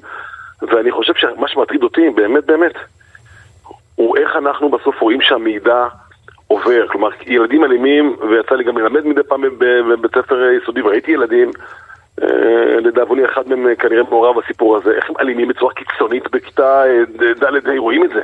אבל אם לא מדווחים, אם בית הספר לא מדווח על זה לאף אחד, או בתיכון יודעים את זה, הרי כולם יודעים, הילדים שמתנהגים ככה, אם הם במסגרת יודעים איך שהם מתנהגים. למה לא להעביר את המידע הזה לרשויות האחרות שיטפלו בנוער בסיכון? יש רשויות שיודעות להוציא, להוציא את הנערים כאלה מהסיפור. ולא, ברגע שהמידע לא עובר, ועסוקים רק בדימוי של בית הספר, של אה, אותו אה, מנהל, וואטאבר, ואז לא רוצים להודיע ומשקיטים את זה, והדברים לא יוצאים החוצה, אז אה, בסוף אתה מקבל את האירוע הבא, זה כאילו כן. סוג של לסיום, רועי, שמתקתק. מה אתם מתכוונים לעשות? הרי החבר'ה האלה יחזרו. אנחנו אני- אני- אוקיי. הם הם כנראה יחזרו, לחלקם לפחות, לאזור, מה מה אתם מתכוונים לעשות? אני, אני אגיד ככה, קודם כל, יש פעילות בכמה רבדים. ברובד הראשון אה, בקהילה להסביר חינוך, חינוך, חינוך. גם הרתעה וגם ליצור איכות של המשטרה ושל תל אביב הסלע ולפיקוח העירוני וכולי. אלה הדברים שיקרו במיידי ויקרו בכל רחבי העיר ונטפל בזה במיידי, מצלמות וכולי. הדבר הכי מרכזי, אני חושב שצריך להקים צוות חירום לגיבוש תוכנית מקיפה לאלימות ברשויות המקומיות. בתל אביב יש תוכנית שנקראת עיר ללא אלימות, צריך ליישם אותה. הדברים האלה ידועים, אני חושב שחייבים לטפל בעניין המערכתי, כלומר אני בסוף כאיש צבא כל חיי יודע שאם היה פיגוע, והיו לי כאלה תחתיי, היה אירוע חמור, צריך לתחקר אותו לעומק, להפיק לקחים, וקדימה להתחיל ליישם את הדברים האלה באופן נחוש ובאופן בלתי מתפשר. וזה הסיפור, יש אפשרות לטפל בדבר הזה, אבל צריך לחבר את כל הגורמים. ואני כן יכול לספר שבתל אביב כבר היום בצהריים נפגשת כל הנהגת אה, אה, העיר באירוע כדי לטפל עם כל הגורמים הרלוונטיים ולתת מענה אה, אה, לסיפור הזה. הבעיה שהמענה ארוך הטווח הוא הדבר שבו צריך לעסוק. אז. הקצרים. דוקטור אה, רועי אלקבץ, חבר מועצת העיר תל אביב-יפו, תודה רבה לך. תודה, תודה לכם, ביי ביי. אגב, אם אני לא טועה, ואני צריך לבדוק את זה בנתונים אבל ראיתי איזה נתונים בסיגוז, בעניין הזה לאורך השנים האלימות בישראל פוחתת זאת אומרת מספר מקרי התקיפה האלימה מספר מקרי הזה הרצח בחברה הערבית נגיד זה דווקא דוגמה הפוכה אבל בסך הכל אה, אלימות כזאת כמו אלימות ש, שיש לפעמים תחושה מהתקשורת שרגע פה בחולון רוצחים בן אדם סתם ופה ב, באור יהודה דוקרים איזה נער בלי שום סיבה ו, וזה משהו כזה שאתה נשאר אה, אה, חסר אונים מול האלימות הזאת ואתה אומר אה, זה, זה תוקף אותנו מכל כיוון צריך לדעת ברמה של האופטימיות מה שנקרא שבטווח הארוך לאורך השנים יש ירידה במספר מקרי האלימות. אנחנו כן, אבל האירוע מהסוג הזה, פחות שקטינים משספים, נכון. אלה המילים, לא, גולגולת זה, של, זה קרקפת לא, של זה לא מפחית, זה לא מפחית מהזעזוע. זה המאה אחוז, לא זה לא קשור לסטטיסטיקה, אתה רואה את זה, אני לא יכולה לדמיין מצב כזה, באמת, זה, זה, זה אירוע מזעזע, וצריך לטפל בו בנחישות. אנחנו בנושא אחר, מחר החלטת סל התרופות והשירותים, אנחנו יודעים כמה הנושא הזה רגיש, כמה זה כואב, כן. כמה ההחלטות האלה באמת, לא, לא, בעניין הזה לא מטאפורית, אלא פרקטית. לחיים ולמוות. כן, ואח... וכמדי פעם שמתכנסת כן. ועדת סל התרופות, המון המון אה, קבוצות מתארגנות ואומרות חברים תנו לנו מימון לתרופה שלנו, אה, זה יציל חיים ואנחנו רוצים פה אה, להאיר זרקור על קבוצה אחת. לא כי יש לנו איזה מידע רפואי יותר מדי אבל אה, ש, שנכיר מה שנקרא. להביא סיפורים להביא את המשמעויות של החלטות מהסוג הזה ואנחנו אומרים אה, שלום אה, לדפנה הרפז אמו של ניקו הרפז. שלום לך. שלום, שלום. שלום, בוקר טוב. לניקו יש SMA, נכון? נכון, SMA 2 יש לה. תסבירי מה זה. SMA 2 זה ילדים שהם אה, לא יכולים להתרומם על הרגליים, אבל הם כן יכולים לשבת. אז תכף נשמע לגבי האבחון ואיך זה קרה, אבל נצרף לשיחה ונגיד אה, בוקר טוב לפרופסור אביבה טל ולבסקי, מנהלת המכון לנוירולוגיות ילדים בבית החולים דנה, מרכז רפואי תל אביב. בוקר טוב. אמ, ספרי לנו אה, על דפנה ברשותך על התסמונת אה, שניקו אה, אמ, לקה בה. לקטה, נכון? מה זה? ספרי לנו על התסמונת SMA 2. אמ, זה ככה, בעצם זו מחלה גנטית שגורם לילדים לתחושת שרירים. בעניין שלה ב-SMA 2 זה ברגליים, הרוב. אה, אם היא לא הייתה מקבלת את הזריקה זה היה מחמיר, גם אה, חוץ מהרגליים. אה, והיא לא יכולה בינתיים להתרומם. בת כמה היא? היא כרגע בת ארבע. היא קיבלה את הזריקה שהיא הייתה בת שנה וחמישה חודשים. שנייה רגע עם הזריקה, זה, זה בעצם כמו שיתוק כזה שמתפשט בגוף? זה לא ממש שיתוק, היא כן יכולה להזיז את הרגליים והיא מרגישה, יש לה רגש, mm-hmm. אבל היא לא יכולה להתרומם על הרגליים שלה, כוח שריר אה, איננה. Mm-hmm. עכשיו, מה, מה זו הזריקה הזאת שאת מדברת עליה? כי היא, אה, יש לה תפקיד חשוב בשיחתנו. מאוד מאוד, זה משהו, זה, הזריקה זה, זה פלא, זה פשוט משהו מדהים. אה, אה, מה שאני הבנתי, הם לוקחים וירוס אה, ריק, והם... ומכניסים את הגן החסר בתוך mm-hmm. הווירוס הזה, ו- וזה נכנס בתוך הגוף. שבעצם עוצר את המחלה, זה עוצר את הפרוגרסיביות של המחלה. והיא קיבלה, ומה ש... והיא קיבלה את זה בגיל שנה וחמישה כן. חודשים וזה עצר את המחלה על הרגליים ולא בשאר הגוף. לא, לא, אבל, אבל מה שחשוב כאן זה האבחון, נכון? האבחון, אה, כן, אם האבחון היה אה, יותר מוקדם, לצערנו הרב, אה, אין לנו כזה דבר גם במשפחה, אז אנחנו לא בדקנו, אבל לצערנו רק קיבלה את הזריקה בגיל שנה וחמישה חודשים. אז הסיפור כאן, פרופסור אביבה פטל ולבסקי, הוא סיפור האבחון, כי, כי הזריקה נמצאת בסל. מה שלא נמצא זה האבחון המוקדם והוא קריטי. נכון. קודם כל אני רק אגיד שהמחלה הזאת זו אחת המחלות הקשות ביותר שבעבר הייתה גורמת לתמותה של ילדים ותינוקות בגיל צעיר. למזלנו ולשמחתנו בשנים האחרונות פיתחו שלוש תרופות, לא רק תרופה אחת, שלוש תרופות למחלה וגם לשמחתנו הרבה מדינת ישראל היא אחת המדינות המתקדמות בעולם שכל התרופות הן קיימות בסל. Uh, הבעיה היחידה היא שברגע שכבר יש סימפטומים, כשמאבחנים את המחלה אחרי שכבר יש סימפטומים, כמו במקרה של ניקו, אז המצב הוא קצת uh, מאוחר מדי. אנחנו היינו רוצים לאבחן את המחלה ככל uh, היותר מוקדם עוד לפני התפתחות הסימפטומים, אפילו מאז הלידה. ואז אפשר ממש למנוע אה, בכלל שהילד יהיה חולה, הוא בכלל אה, לא יחווה שום קושי. יש לנו כמה, לא הרבה ילדים כאלה. כמה יש בישראל אה, שלוקים ב-SMA? כן, יש בישראל בכלל, mm-hmm. לא, בישראל בכלל יש כ-150 חולי SMA, אבל יש רק חלקם הם ילדים קטנים, חלקם המחלה התגלתה בגיל הבגרות, ובהקשר לילדים הקטנים אני רק אומרת שיש לנו מקרה אחד או שניים של ילדים שמכיוון שהיה להם בן משפחה נוסף עם המחלה, הם נבדקו עוד לפני שהופיעו הסימפטומים, ומכיוון שהם קיבלו את הטיפול הזה שנקרא גין תרפי, טיפול גנטי, הם בעצם היום בריאים לכל דבר. אני זוכר את הכותרות על הטיפול הגנטי היקר בעולם שניתן פה לתאומות, אני חושב דווקא שלקו בעצם סוג אחד, לא סוג שתיים כמו שיש לניקו, אבל זה... מה, במה מדינת ישראל משתתפת מבחינת מימון? אם את יכולה להכניס אותנו לעניינים הכספיים שם.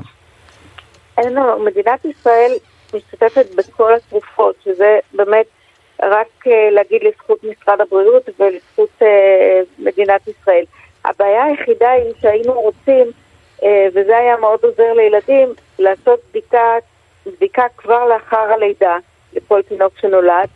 זה נקרא בדיקת סקר ילודים mm-hmm. למחלה, וברגע שזה מאובחן אצל אפילו מספר קטן של ילדים בארץ בשנה, הילדים האלה יוכלו לקבל את הטיפול עוד לפני שמופיעים הסימפטומים, והם לא יהיו במצב שיישארו עם איזושהי... כלומר, לוועדה שתידון מחר בתרופות ובשירותים, אתם בעצם הגשתם את נושא, הגישו כמובן, לא אתם, את נושא הבדיקות, את אותו סקר ילודים, ואתם מקווים שהם יוכלו לכלול את זה כדי למנוע מקרים שבהם אה, אנחנו מדברים על פעוטות שיכולים ללכת, ואם הם היו מאובחנים בזמן. בדיוק. אה, עמותת החולים הגישה את הבקשה, והם באמת נלחמים על זה. כי הם uh, מאמינים, וגם אנחנו בתור רופאים רואים את זה ממש uh, מול העיניים. המקרה של ניקו הוא ממש מקרה, ממש ממש משקף את זה. אבל uh, זה בסמכותו של, בסמכותה של ועדת סל התרופות? זה לא פשוט איזו הנחיה שמשרד הבריאות ב, בימים כתיקונם צריך להנחות את בתי החולים, תעשו בדיקת סקר לכל הילדים? זה, אבל יש לה עלות לבדיקה, וכנראה המימון אה, הוא צריך לבוא באישור של סל הבריאות. בגלל שיש לזה עלות, אם אנחנו רוצים לעשות את הבדיקה, אבל אנחנו גם ביררנו, והעלות היא בעצם אה, לא עולה, אפילו פחותה בהרבה מהטיפול אחר כך בילדים שיהיו נכים לכל... בעצם לכל חייהם. אז הניתוח הכלכלי הזה הוא מה שבעצם מגישים לוועדה, חוץ מבאמת סיפורים אישיים והיכולת לעשות שינוי, אלא להוכיח להם שלטפל בילדים אחר כך יעלה למדינה יותר. בדיוק, וזה כבר נבדק בארצות אחרות, וזה כבר הוכנס ב-22 ארצות בעולם, אפילו ארצות נגיד פחות מתקדמות מאיתנו, הם הכניסו את בדיקת הסקר, ויש גם מאמרים שעשו באמת ניתוח כלכלי. כן. שבעצם אנחנו מונעים הרבה יותר הוצאות מהמדינה אה, על ידי אבחון מוקדם. ואין חשש, אני לא רוצה להלאות את המאזינים עם סטטיסטיקה, אבל אין חשש, אני מכיר כש, כשעושים בדיקה לכל האוכלוסייה על אה, אה, תופעה שהיא בסוף נדירה, שבריר אחוז מהאוכלוסייה, אה, יש חשש לאבחוני שווא. אה, לא, אין חשש, כיוון שפה האבחון הוא מאוד מדויק. אנחנו יכולים אפילו לאבחן אה, פחות או יותר מי יהיה בצד של המחלה הקשה, סוג אחד, או המחלה סוג 2, או סוג 3, ובעצם ההחלטה היא היום לתת טיפול מיידית רק בסוג 1 ו-2, כאשר בסוג 3 ו-4 אנחנו ממתינים, כי המחלה מתפתחת בגיל יותר מבוגר, ונותנים את זה בגיל קצת יותר מאוחר. זה באירופה, בארצות הברית גם שם נותנים את זה מוקדם, אבל בוא נגיד שאת הסוגים הקשים של המחלה אנחנו יכולים למנוע, והם בעצם הסוגים שמובילים לנכות קשה. אנחנו לא יושבים בוועדת סל התרופות, אבל אני השתכנעתי משתי הסיבות, גם מהסיבות של ההישגים המשמעותיים שאפשר להשיג הרפואיים, וגם מהסיבות הכלכליות. הלוואי וחברי ועדת הסל יתרשמו גם ככה. דפנה הרפז, תודה רבה שהיית איתנו. בכיף. ופרופסור אביבה פטל ולבסקי. כן, בהצלחה לניקו. ולכל הילדים שלוקים ב... נכון. תודה רבה לך, גם פרופסור אביבה פטל ולבסקי, שהיית איתנו מנהלת המכון לנוירולוגית ילדים בבית החולים דנה, מרכז רפואי תל אביב. תודה. זו תמיד החלטה כל כך קשה, ויושבים שם גם נציגי ציבור, לא אנשים שעם השכלה רפואית. חד, חד כן. משמעית, אה, אה, כי יש פה, יש פה באמת הכרעה מוסרית כמעט בלתי אפשרית, בעצם באים mm-hmm. קבוצות, כמו שיש את, את אה, מטופלי ה-SMA שמתארגנים ו, ודורשים דרישות, יש גם חולי סרטן מסוגים שונים, ו, ובאמת כל, כל אנשים באמת נכון. מסכנים שזקוקים לעזרה וזקוקים למימון, כולם אומרים שהטיפול שהם מבקשים מציל חיים, והשמיכה קצרה, יש לה הוועדה איזה סלסלה כן 15 מיליארד שקל תוספת עכשיו תבחרו לאיזה תרופות אתם כן, מממנים. צריך לזכור לא. שיש גם איכות חיים לא תמיד זה רק על החיים ולמוות. נכון אבל נושא של איכות חיים נושא של אה, מעטפת טיפולית. לכן ההכרעות כן. האלה בלתי אפשריות כי כשאת חושבת על זה איך יכול להיות שמדינת ישראל בתקציב המדינה נותן כסף לאיגוד הכדורעף. ולא לוקח את הכסף הזה וישר שם אותו לבריאות או לחינוך דברים שהם מצילי חיים ברמה המיידית אנחנו זה ונותנים נכון. לאיכות חיים. התשובה היא שאף אחד אף פעם לא נדרש לקבל את ההחלטה הזאת. זאת אומרת זה מתפתח באופן טבעי. תקציבים בספורט ותקציבים בזה ואף אחד תראה אם רוצים לעשות לא פופוליזם אז uh, תיקח את התקציב שהקצו לעיקור וסירוס חתולי הרחוב. בדיוק. ותגיד למה לא נותנים אותם עכשיו לנושא של ה-SMA בדיוק אבל זה לא עובד ככה. נכון. חברה עכשיו, אבל, אבל, אבל אדם כן, אדם אדם כמוני כמוך כן. כשיגיע אליו ההכרעה הזאת אה, אה, אה, ברמה המוסרית אם הוא צריך להחליט יש לך עכשיו איקס כסף תשים אותו על הצלת חיים או תשים אותו על איכות חיים כמו אה, תרבות וכדורעף אז ברור שעושים את זה על, על הצלת חיים.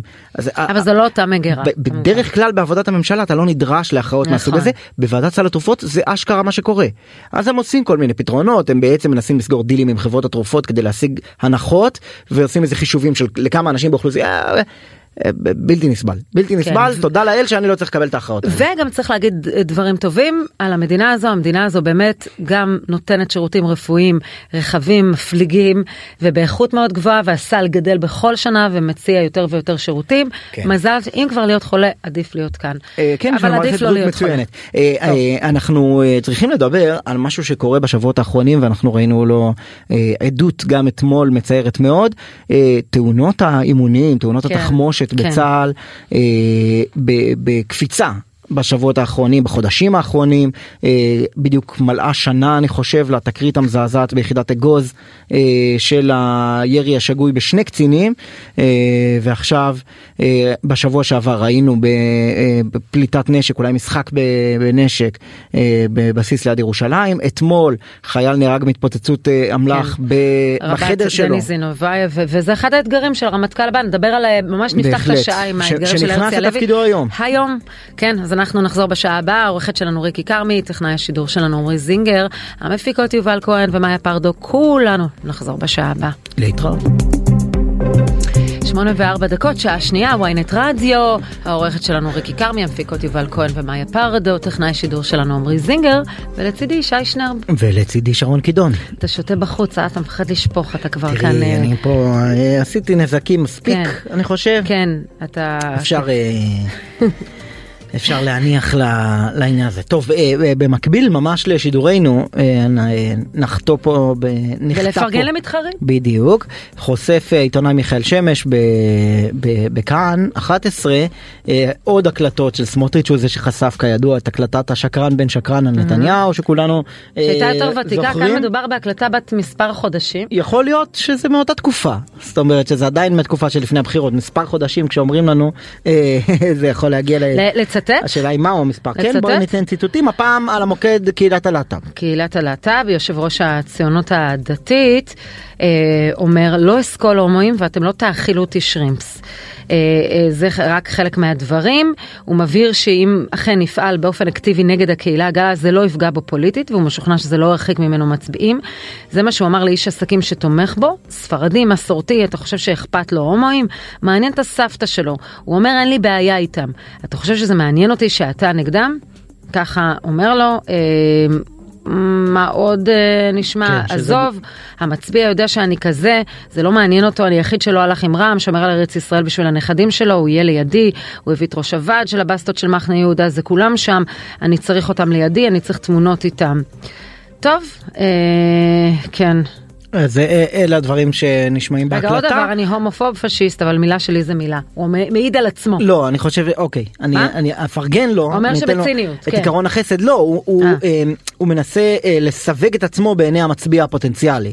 הוא אומר, מה, מה חושב עליי, סמוטריץ' אומר, מה חושב עליי המצביע הזה של, אה, של שוק מחנה יהודה, כן, אה, שם קוד, אה, שהוא הומופוב פשיסט, אבל הוא היחיד שעומד במילה שלו, כן, זה כאילו השיווק. אבל עזבי, בסדר, מה שנקרא עקרון החסד, כששופטים התבטאויות של אנשים. מצד אחד, הרי זה מה שנאמר עליו. נכון, אנחנו רואים, רואים גם את הצעדים וזוכרים את מצעד הבהמות. מצד שני, כשאתה שומע את זה, כשאתה שומע הקלטה, זה יותר קשה לעכל את העניין הזה. נכון, וכשאני חושב שסמוטריץ' פה צריך אה, לעשות חושבים. להבין את הסוד שכבר פוליטיקאי צריך לקחת בחשבון שאם שני אנשים בחדר ואתה לא מקליט, כנראה שהוא מקליט. טוב, אה, טוב, אנחנו באירוע חגיגי, לצה"ל, בדיוק. באירוע חגיגי. אמ, החייל מספר אחת מתחלף היום, אביב כוכבי אה, יוצא אחרי קדנציה, אה, בסך הכל אה, חלקה וטובה, אה, עם לא, לא מעט בעיות בצה"ל, אבל בסופו של דבר עוזב, מעביר את השרביט להרצי הלוי, ואיתנו יוסי יהושע, פרשננו הצבאי, בוקר טוב לך. בוקר טוב שרון ובוקר טוב ישי. בוקר טוב רב אלוף יוסי יהושע. אז היום זה קורה בקריה? אה, כן, קודם כל בלשכת אה, רוה"מ ואחר כך אה, בקריה, אה, המסלול הרגיל, הוא גם יעלה לקבר אה, של דודו, אה, על שמו קרוי, הרצי בעצמו, כן. כן, שנפל במלחמת ששת הימים, ויתחיל במסע שלו ארבע שנים מאוד מאוד מאתגרות. קודם כל, מבחינה מבצעית, הוא יצטרך לעסוק בבניין הכוח, בכל מה שקשור, קודם כל לרמת המוכנות של הצבא, ולשפר אותה ולהעלות אותה אה, בעולמות המילואים ובעולמות הסדיר ובכל מה שקשור לתמרון. אה, זה דבר אחד. הדבר השני, אה, התוכניות לאיראן. אה, כאן הניח אה, הרמטכ"ל אה, כוכבי את המסילות בשנה, שנתיים האחרונות אה, לתוכנית הגדולה לאפשרות של תקיפה באיראן, אבל אני חייב לו לשים את הכוכבית, היו שנתיים מבוזבזות, על כך העיד ראש הממשלה הקודם קודם, נפתלי בנט, שנכנס לתפקידו ואמר שגילה שאין באמת אה, תוכניות אה, אה, ממשיות והקצה לזה כמה מיליארדי שקלים. ומאז הצבא התחיל בתוכניות רכש שעיכב אותם משום מה והדבר הנוסף, שאם אני מסתכל על ההיבט הנפיץ יותר והקרוב, זה הזירה הפלסטינית. אה, אנחנו נמצאים בעיצומו של עדיין מבצע שובר גלים, עם עליות, עם ירידות. אה, הוא גלים. היום בעיקר באיו"ש, כן? כן ישי? לא, לא, אני צחקתי שזה... לא, הוא אמר גלים מן הסתם שיש עליות גלים ומורדות. עם המבצע הזה, כי הוא כבר איתנו, מה, מחודש מרץ, משהו כזה. מחודש מרץ, כן? וזה יחייב אותו, אה, קודם כל היערכות לקראת היום שאחרי ואפשרות של אולי התפרקות הרשת הפלסטינית, זה דבר אחד. אבל גם השינויים הפוליטיים בישראל משפיעים על ההתמודדות. בוודאי. כן. וזה הדבר האחרון ש, שרציתי אה, שנרחיב עליו, אם אתם רוצים, הסיפור הזה של אה, אה, מיקומו של אה, הצבא, זאת אומרת, הוא ייכנס, הוא נכנס לתקופה, אני חושב, הכי מאתגרת שהייתה לרמטכ"ל ביחסים מול דרג אה, אה, אה, מדיני ופוליטי, אה, כל, אה, ומכאן השלכות לסוגיות של צבא, חברה וצבא העם. אה, כל תקרית בחברון או באזור אה, השומרון אה, נצבעת מיד בצבעים פוליטיים, ואם הוצאת איגרת או לא הוצאת איגרת, האם גיבית, לא גיבית, איזה עונש קיבל החייל, כן או לא, והפרעות אה, לשרשרת הפיקוד. אה, בצה"ל ומעורבות של פוליטיקאים מימין ומשמאל ולהתייצב. זה מבחן שהוא באופן אישי עומד בו, יעמוד בו, מה שלא קרה לקודמו עד כדי כך, לא בעצימות הזו. כפי שאנחנו משערים. אני חושב, תראי, אם, אם נסתכל, אני, את יודעת, אם אני מנטרל לרגע למשל אירוע נקודתי של אלאור עזריה, אבל אז כוכבי בכמות האירועים, היו לו הרבה יותר אירועים כאלה של, של uh, מעורבות uh, פוליטיקאים. כן. ובכלל... הנה ראינו רק בשבוע האחרון את סמוטריץ' אומר חבל שלא באת להיפגש איתי ולדון איתי לפני שיצאת נגדי בתקשורת. נכון. כן אבל זה כשהוא באסה כבר. כן, אבל אני רואה כל מיני פרסומים וכל מיני אמירות, שגם התייחסתי לזה היום בטור, שיש לו עמוד שדרה מפלדה וכל מיני כאלה וזה. אני מציע באמת לאט לאט. אז רגע, אז אולי נתחיל ממנו, בדיוק. יש פה הצעה אה, אה, כן? למה? לא להתייחס לרמטכ"לים עם עמודי שדרה ממתכות? לא, לא, לא, אני אומר לאט לאט, אני אומר שהוא ימשיך בנתיב שסלל לו אה, אה, הרמטכ"ל אביב כוכבי בריאיון האחרון ויעמוד ויתעמת מול הדרג המדיני, לאט לאט. אם אני מסתכל רק על ההתנהלות שלו, באמת אני לא יודע, אבל אני מציע לכולנו בזהירות. לבחון את זה, אבל כדי להבין איך הוא יתמודד... בנאום הראשון כן. שלו הוא גם לא ייגע בזה ולא ייכנס לעימות, אולי בשני, אולי בשלישי, אבל בראשון לא. אמ, אבל בוא נכיר אותו יותר טוב, יוסי, אם אנחנו כבר מדברים על היכולת העמידות שלו. כן. אני אגיד לך למה זה... אגיד לך למה זה חשוב, כי לא שמו לב, אולי זה עבר מתחת לרדאר, אבל עוד טרם כניסתו לתפקיד, הוא הלך להיפגש עם אה, בצלאל סמוטריץ'. כן. אוקיי? זה לא מובן מאליו. זאת אומרת, mm-hmm. לכאורה פניו, באמת, פניו כאילו לשלום, הוא יכול היה לומר, עוד לא נכנסתי לתפקיד. בואו נמתין, אני אכנס שבוע הבא. או כמו פרקליט המדינה, כמו פרקליט המדינה שמסרב להיפגש עם יריב לוין נניח. אומר אין לי זמן כרגע. זו אמירה, שרון, זו כן. אמירה, זאת אומרת, נפגש איתו ביום חמישי, וזו אמירה. עכשיו, לא יצאו משם קולות של פיצוצים, או אה, הדלפות שהייתה פגישה אה, רעה או קשה, או אה, אמר לו כך או אמר לו אחרת משני הצדדים. וצריך גם לשים לב לזה. זאת אומרת, אם פניו של הרצי הלוי, כפי שחשבו לפיצוצים, אז אה, אני לא בטוח לא, שהיה רץ. וטוב שכך, אבל בוא נכיר אותו יותר טוב, כדי להגיד אם הוא איש פלדה או לא איש פלדה. בוא נגיד כמה דברים עליו, ומה אנחנו יכולים לפחות להקיש מההיסטוריה שלו וההתנהלות שלו, על איזה רמטכ"ל הוא יהיה. אני... חוץ מהחבורת חסם בא היום על השער של ידיעות אחרונות. כן, תראי. אמ, איזה רמה, כשאתה יושב, כשאתה יושב בקומה 14 כבר, אז זה כבר החלטות אחרות. וצריך לבחון אותך אחרת, בממשקים אחרים שלאו דווקא תואמים להיותך מפקד אוגדה. או אה, אה, אלוף, אה, אלוף פיקוד או ראש אמ"ן. וזה אלמנטים של, כמו שאמרתי, דרג מדיני וסוגיות גם תקשורתיות. אני לא בטוח שיש לו את המיומנות שיש לאביב כוכבי. הרמטכ"ל אביב כוכבי היה מעורב בכל פריים שיצא. כל פריים שלו אה, שיצא הוא אישר. הוא, כל נאום שלו, הוא היה שולח אה, מצפן בכף היד, הוא היה שולח סרטונים ל, ל, ל, לקצינים מדרגת המ"מ ומעלה, עם סינקים שלו בני דקה על אירועי היום, ואחר כך הם היו יוצאים לתקשורת. הוא נואם בחסד. אני, אני אומר לכם, הוא אחד הנואמים, אה, באמת, ואני יצא לי פעם... שאתה מדבר על כוכבי. ב... כן, מדבר על כוכבי. עזבו מה שראיתם ביום הזיכרון, אתם אומרים בסדר, הוא כתב את זה והוא התכונן ויפה שהוא כתב. נאום האימהות. יצא, כן, יצא לי לראות אותו כמה פעמים אה, מדבר אה, באירועים והוא פשוט יודע לדבר ומדבר מצוין מהנואמים הטובים ביותר שפגשתי. עכשיו, הרצי לא בליגה הזאת של, ה... של, של, של אה, כוכבי, והוא לא לקח גם דובר מיומן, בוא נודה על האמת. הוא כן. לקח איש אה, אה, שייטת.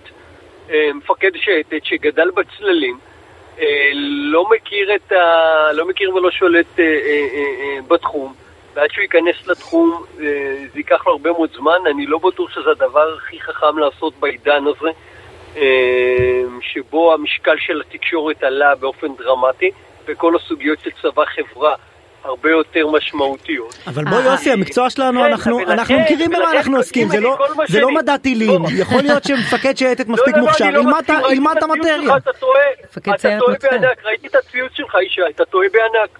החשיבות של התקשורת, תודעה, הסברה, עלתה באופן דרמטי, זה היה, סליחה, באמת offside שלך. זה חוסר הבנה של הזירה התקשורתית בצבא. הם ב offside, הם ב offside טוטאלי. הצבא, אם אנחנו מסתכלים על הרגליים של צבא, בטח ביציאה לעימות, אז יש לנו את הרגל הצבאית, והרגל המדינית של סגירת העימות עם אה, מצרים, עם המצרים, עם האמריקאים, לא משנה. הרגל המשפטית שהשתפרה באופן דרמטי מאז דוח גולדסטון, אבל הרגל התקשורתית, הסברתית, היא עדיין נכה. וכבר לא משנה, הרי, הרי היום בעידן הזה כבר לא משנה מה תקפת בעזה, אלא משנה מה סיפרת שתקפת בעזה. מהמם. ואתה יכול להוריד את מפעל ה...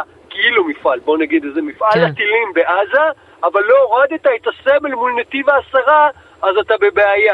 כן. אוקיי? מהמם. המון סיפורים של דימויים ותודעה. כן, לא, לא משנה, אני לא אני אני לא. מתווכח איתך, אבל אה, מה שאני אומר זה שלא לא התקשורת היא זירה לא חשובה, היא זירה מאוד חשובה, לא, לא, היא- פשוט היא יותר הניהול חשובה שלה מהמעשה לא. חייב להגיע מידי- מידי אדם בעל ניסיון. לא, לא, לא, לא, זו מיומנות, אני חולק עליך, מה זאת אומרת? בסדר. טוב, אתה מכיר לא את הצבא יותר זה טוב מאיתנו. זה נכון. לא, כן, שרון, כן. שרון, תראו. הוא גם מכיר את התקשורת יותר טוב אה, ממני, כן? אני- אה, אני אה, אני פה בנחיתות בוויכוח הזה, אני לא נכנס אליו. שי, תבין, אתה, אתה מדבר עם קצינים שהם מנותקים מהתחום הזה, אז אפילו לא אזרחים רגילים. זה לא בעלי תפקידים אחרים, אסור להם הרי להיות בקשר נכון. עם עיתונאים. בטח לא מפקד כן. שייטת לשעבר ואחרים. תראה, אין יצא להם, אתמול- לא היה להם את, הממשקים האלה. ועכשיו אתה, הוא, לא, הוא לא ביקר ב, ב, ב, בבית ידיעות אחרונות לצורך העניין מעולם, אוקיי? הוא לא היה באולפנים, הוא לא יודע איך זה עובד, עזוב אותו, אני לא ברור. והוא קצין מעולה, והוא מפקד שייטת מעולה, והוא גם נתן לי את הרעיון היחידי שהוא נתן עד היום. והוא לא עשה את זה בבית ידיעות. אבל באמת, אני בא בידיים נקיות, ואני באמת חושב שהוא קצין מעולה והכל. אבל אני אומר, באופן כללי, המשקל הזה, ואני פה חוזר לרמטכ"ל, המשקל של הסוגיות האלה, כן. הוא כל כך חשוב, הוא כל כך משמעותי, ואי אפשר להקל בזה, אי אפשר להקל תראה, בזה. יצא העובדה אתמול, יצא היא- אתמול אה, מדד אמון הציבור של המכון הישראלי לדמוקרטיה, הנתון שמן הסתם תפס את כולם זה אה, שפל של כל הזמנים באמון בבית המשפט העליון, 42 אחוזים, אבל אה, אה, אחד משני המוסדות היחידים שאמון הציבור בהם עלה בשנה האחרונה הוא צה"ל. שאמון הציבור בו השנה אה, הגיע ל-85 אחוזים, אה, וזה עלייה ביחס ל-78 שהיה השנה שעברה. זה תמיד גבוה היסטורית. ואני חייב לומר כן. שגם ראיתי בעיניים איך בטקס יום העצמאות בהר הרצל, כוכבי הוא הסלפי הכי מבוקש. אה, נכון, אה, והוא דמות אה, אהודה, ובהקשר הזה אה, אה, הציבור מאוד מאוד אוהב אותו. אה, קשה לומר, אגב, אני, אני, אני רואה את זה בהרצאות, שאני לפעמים מציג קצת ביקורת על הרצי, אז קשה, על, סליחה, על, על אביב, אז קשה לציבור לקבל את זה. לא, לא, לא, לא, לא, הוא רמטכ"ל, אנשים אין להם מושג אם הוא טוב או לא, אבל הוא נתפס ציבורית כ... כ, כ כי גם כרמטכ"ל, אתם אה, טיווחתם אותו לציבור, אתה בסוף ניזונים יש לי גם... תחושה, שרון, את כן. קוראת אותי ואת שניכם כן. אנשים שאני... כן, אני אתה נותן גם אחריכם ביקורת. גם מעביר ביקורת וגם גם משבח ביקורת, כשצריך, אני כן. נדמה לי הכי ביקורתי הייתי בקדנציה שלו, כמו שגם פרגנתי איפה כן. שצריך. אבל- משהו קטן ככה באישי על הרצי הלוי, הוא בין הציונות הדתית במקור. נכון, הוא לכם, הוא מה שנקרא. כיפה שקופה. כן. זה נקרא כיפה, שקופה, כן, אה, כיפה שקופה. אז, אז יש לזה משמעות אולי על הדיאלוג אה, בכל זאת עם סמוטריץ', הזכרת לא. קודם את הפגישה ביניהם, ובכל זאת הוא יודע, הוא ב... אני- אגיד ככה, דובר השפה, מה אני אגיד שנקרא? ככה, גם אם הוא היה עם כיפה לא שקופה, זאת הייתה כיפה מאוד שונה מזו של סמוטריץ'. Mm, נכון, לגמרי, לגמרי.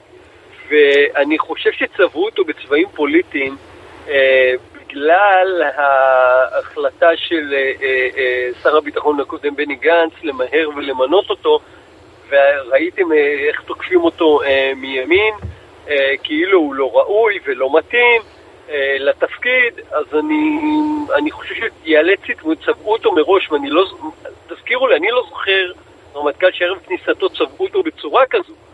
אמ, אני כן זוכר, אגב, אני שמעתי באחרונה את, את דן חלוץ מתלונן על המעורבות הפוליטית בצבא, אז נזכרתי איך דן חלוץ כרמטכ"ל אה, הובא על ידי חוות, אה, אה, חוות השיק פורום החווה, אה, אחרי שקיצרו, או שלא לומר הדיחו את אה, יעלון מתפקידו כי לא הסכים למנות, לבצע את ה... התנגד להתנתקות, ושמו את אה, דן חלוץ. Mm-hmm. אבל מאז אני לא זוכר אה, אה, אה, רמטכ"ל שנכנס וצבעו אותו פוליטית. לצבע אותו פוליטית. אני רוצה להזכיר לסיום משהו שהוא רלוונטי להיום. אתמול אסון הרימון כן. בחטיבת כפיר, הרב טוראי דניס זינובייב נהרג כתוצאה, נושא תאונות הנשק, תאונות האימונים ותאונות הנשק בצה"ל, זה גם נכון. משהו שהוא צריך לטפל בו.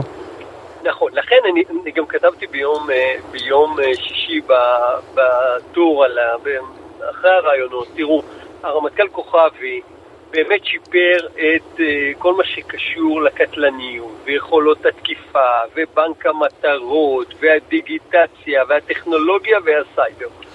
אבל היסודות, uh, אני חושב שהיסודות לא חוזקו, הם ראויים.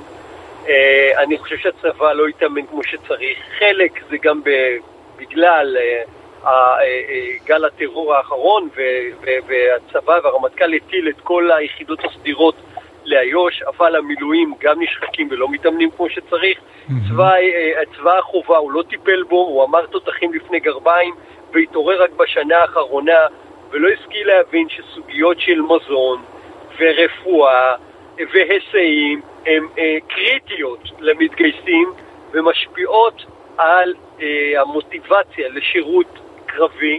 אז, אז הרצף הזה של תאונות אימונים וחיילים שנהרגים בכל מיני נסיבות כאלה שאנחנו רואים, זה לא, זה לא מקרה, אלא זה קשור למה, ש, למה שקורה מלמעלה? זה משמעת. כן, זו משמעת. תראה, הרמטכ"ל הזה למשל אה, חשב שלא נכון לנקוט ביד קשה נגד אה, מפקדים שסרחו, עיין ערך אה, אגוז. הוא התנגד להדחתו של אפרים תהילה, מפקד היחידה, גם אחרי שאפרים תהילה אה, התייצב מולו ואמר אני אה, מתכוון, אה, אני מוכן לקחת אחריות ומתפטר.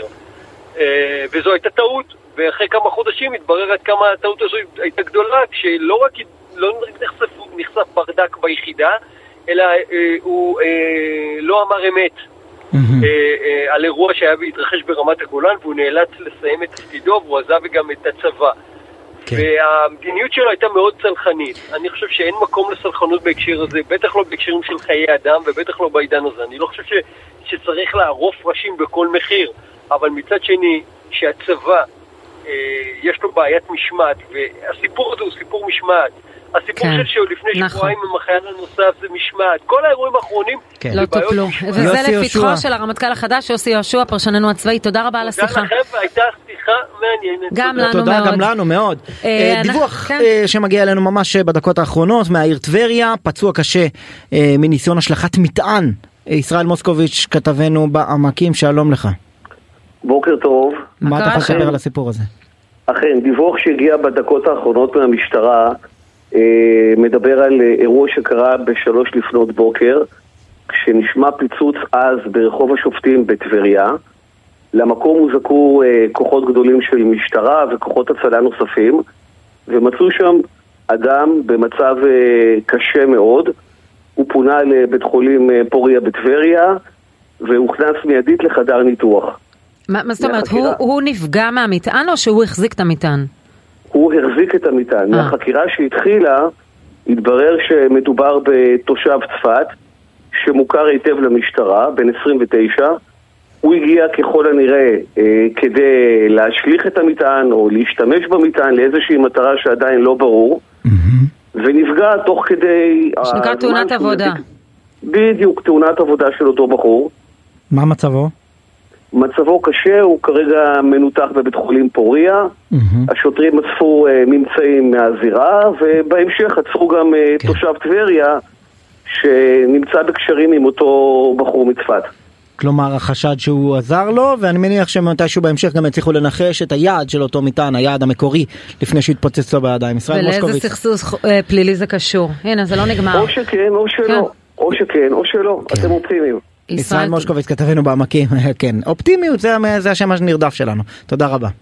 יום טוב, כל טוב, יום ביי טוב. ביי. תודה. אנחנו ואנחנו ב... בפינת ההיסטוריה שלנו. כן, ארכיון אנחנו... ידיעות אחרונות נפרס אה, אל אוזנינו על ידי שמואל מוניץ, עורך בוויינט יהדות, בוקר טוב. בוקר טוב. ואנחנו חוזרים 20 שנה אחורה לאסון מעבורת קולומביה. אנחנו באמת כן. באופטימיות הבוקר.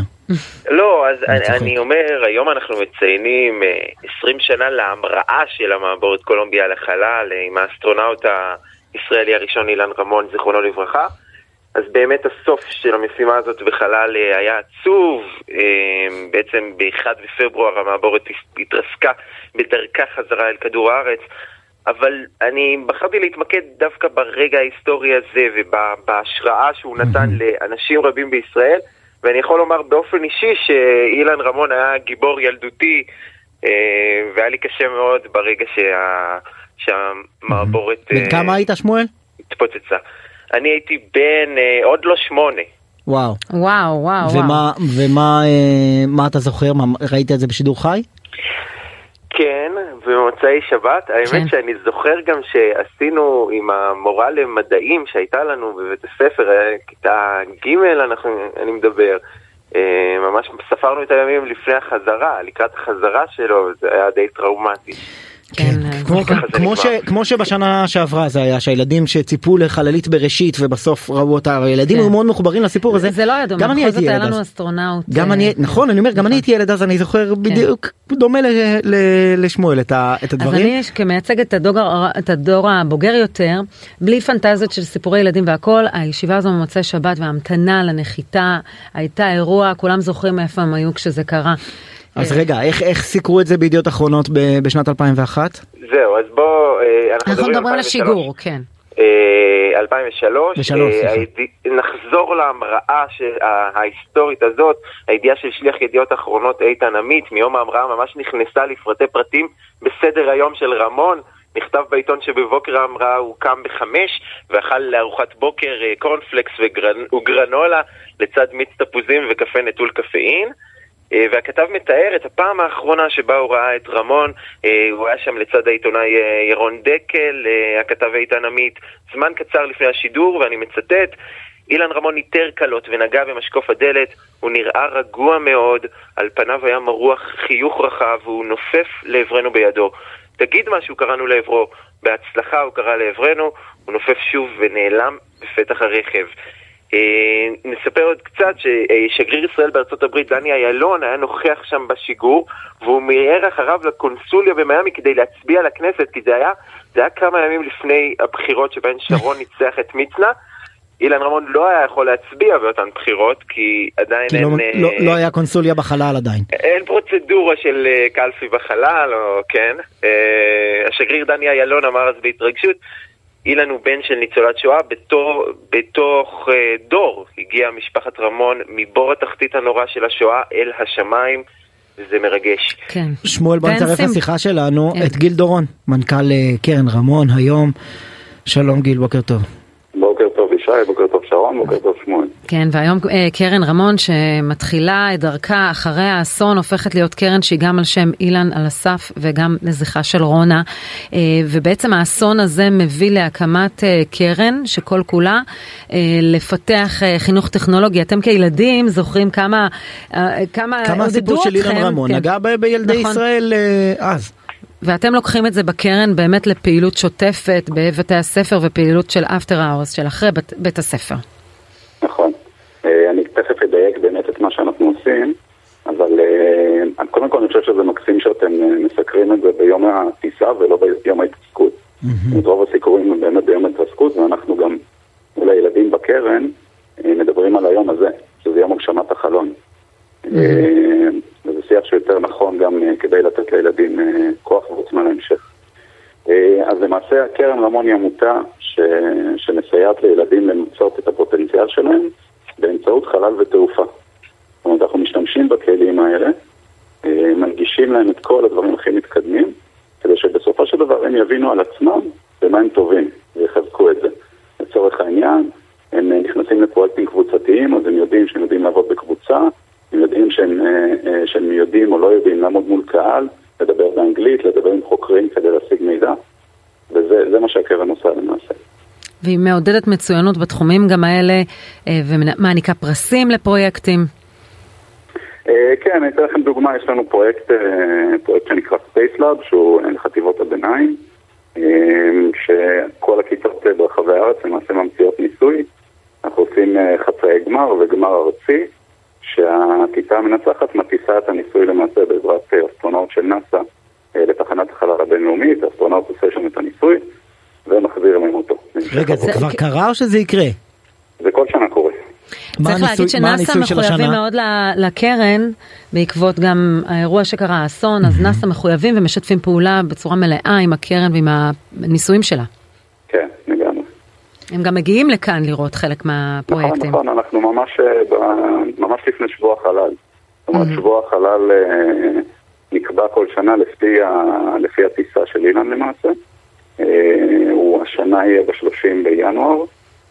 ומגיעים לפה, מגיעים לפה נציגים ואסטרונאוטים. הגמר שלנו לצורך העניין יהיה ב-30 בינואר, בבנייני האומה בירושלים, 2,500 תלמידים, אסטרונאוטים, מלא מלא אנשים מעניינים מגיעים, אירוע מאוד משמח ומעצים. גיל, ברמה האישית הכרת את אילון רמון? לא, אני לא הכרתי את אילן, אני, אני אגיד לך יותר מזה, גם את רונה לצערי לא הכרתי. אה, אתה...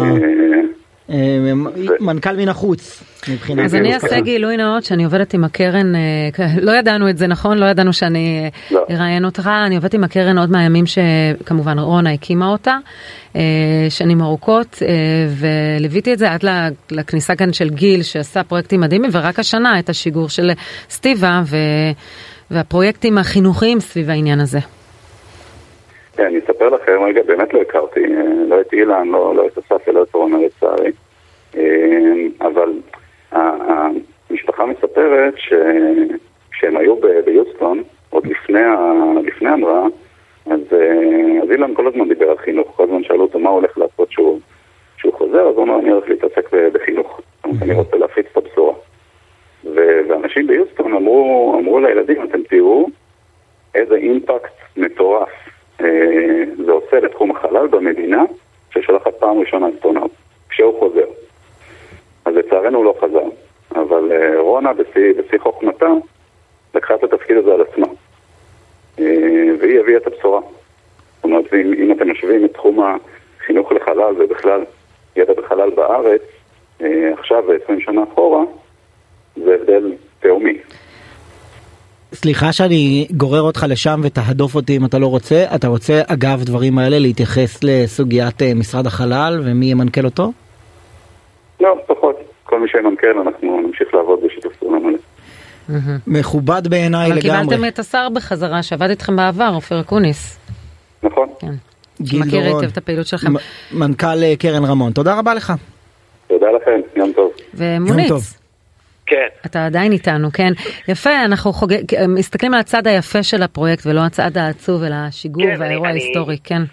כן, ואני רוצה לציין שבקולומביה נערכו עשרות ניסויים, ביניהם כמה שיזמו חוקרים ישראלים, כמו ניסוי שבחן חלקיקי אבק ואת ההשפעה שלהם על אקלים, של, השפעה של סופות אבק, וניסוי לבדיקת יכולת ההתרבות של חיידקים בתנאי המיקרו-כבידה וחלל, ועוד כמה ניסויים בתחומי הביולוגיה והפיזיקה. ובאמת זו הייתה משימה שאני זוכר שבאתר יזכור כתוב על אילן רמון שהוא נפל בשליחות כלל אנושית. ויש משהו כל כך מרגש במילים האלה, שליחות כלל אנושית, זה לא שליחות לאומית, אפילו יותר מזה, זה שליחות כלל אנושית כדי לקדם את החברה האנושית ולהוסיף ידע ו... ובאמת זה נותן השראה להרבה כן, אנשים. כן, בכלל המשפחה הזו הפכה להיות ממש סמל ישראלי, כן. כולם. ואם, כן. ואם בכל זאת נתייחס להתרסקות, אה, אה, השידור, שידורים בטלוויזיה הישראלית mm-hmm. של הדבר הזה, אה, פשוט זה דבר לא ייאמן לצפות בו בדיעבד, קשה מאוד גם, אה, ו- ואני כן שמח אבל שבחרנו להתייחס לאירוע הזה דווקא דרך השיגור. אולי נסכם עם המילים שאילן רמון, mm-hmm. הוא, הוא היה לו בין השאר במהלך השירות בחלל הייתה לו שיחה עם ראש הממשלה דאז אריאל שרון ושרון פתח את השיחה בשאלה הייתי רוצה לדעת מה אתה רואה משם שאנחנו לא רואים מכאן? כמובן דברים, דברים שרואים משם לא רואים מכאן. כן. אז רמון ענה מה שרואים מכאן באמת מדהים כדור הארץ שלנו יפהפה מכאן ארץ ישראל נראית כמו על המפות קטנה אבל מקסימה. מה שיותר מעניין הוא שהאטמוספירה ששומרת עלינו מאפשרת לנו לחיות ולנשום היא ממש דקיקה רואים אותה זוהרת אנחנו צריכים לשמור עליה קהל בבת עינינו. שמואל מוניץ, כן. עורך בוויינט יהדות, איש הארכיון שלנו, תודה רבה. תודה רבה. הפסקה מיד וויינט רדיו, שרון קידון וישי שנר.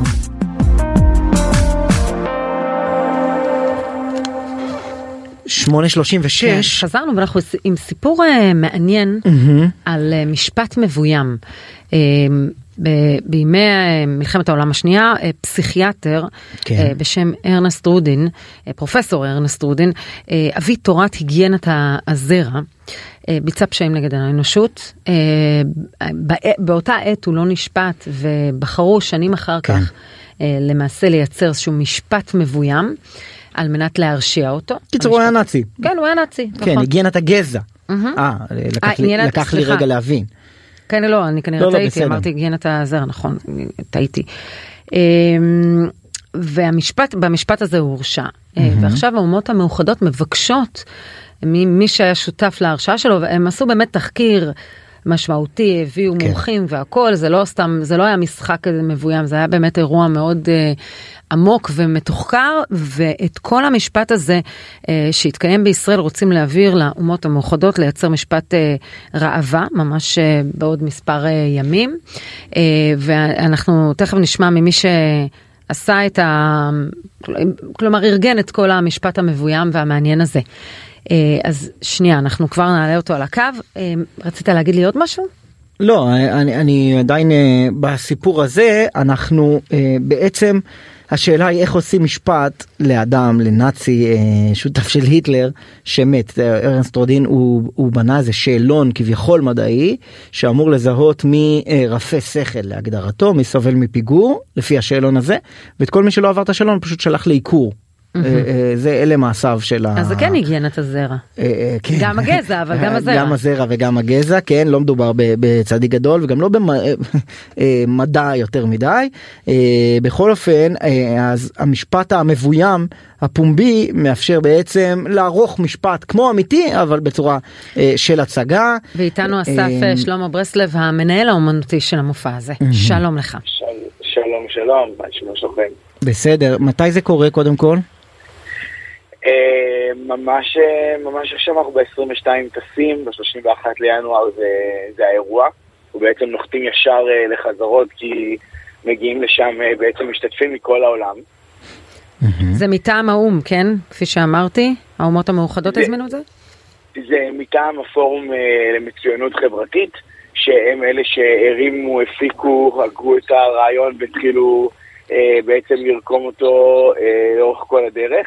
אה, וקיבלנו פתאום לפני שלושה חודשים אה, אה, הזמנה מהאו"ם לבוא להציג את זה שם, והתחלנו בעצם להתחיל איכשהו לה- להרים את כל הדבר הזה מאפס בשלושה חודשים. מי השתתף במשפט הזה? מי משתתף? כן.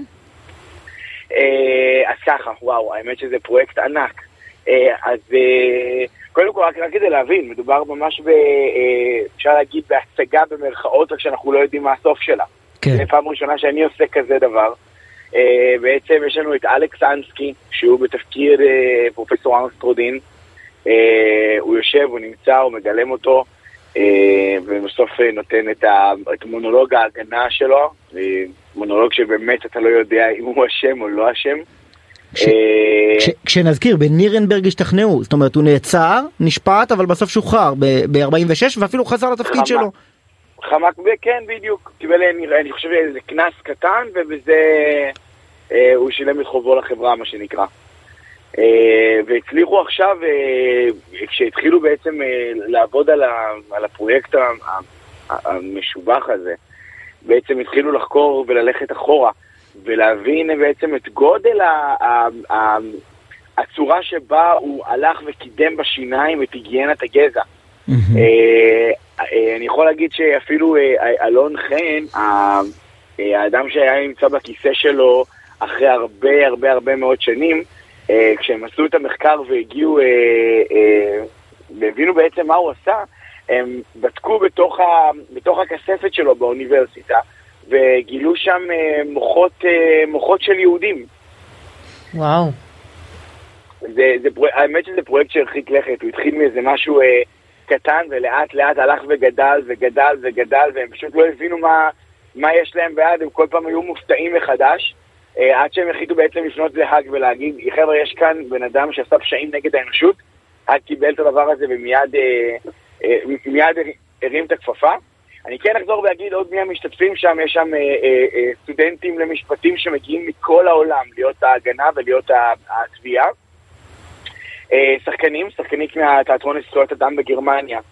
אה, אה, יש לנו את אה, אושר סלים, ויש לנו את, אה, את פרופסור ארנסטרודין, אה, שזה בעצם אה, אלכסנסקי, שבעצם המשפט המבוים זה אומר שכל הקטעים, כל העדויות הם קטעים מומחזים, וכל השאר אמיתי לחלוטין. ומי יבוא לשמוע את זה?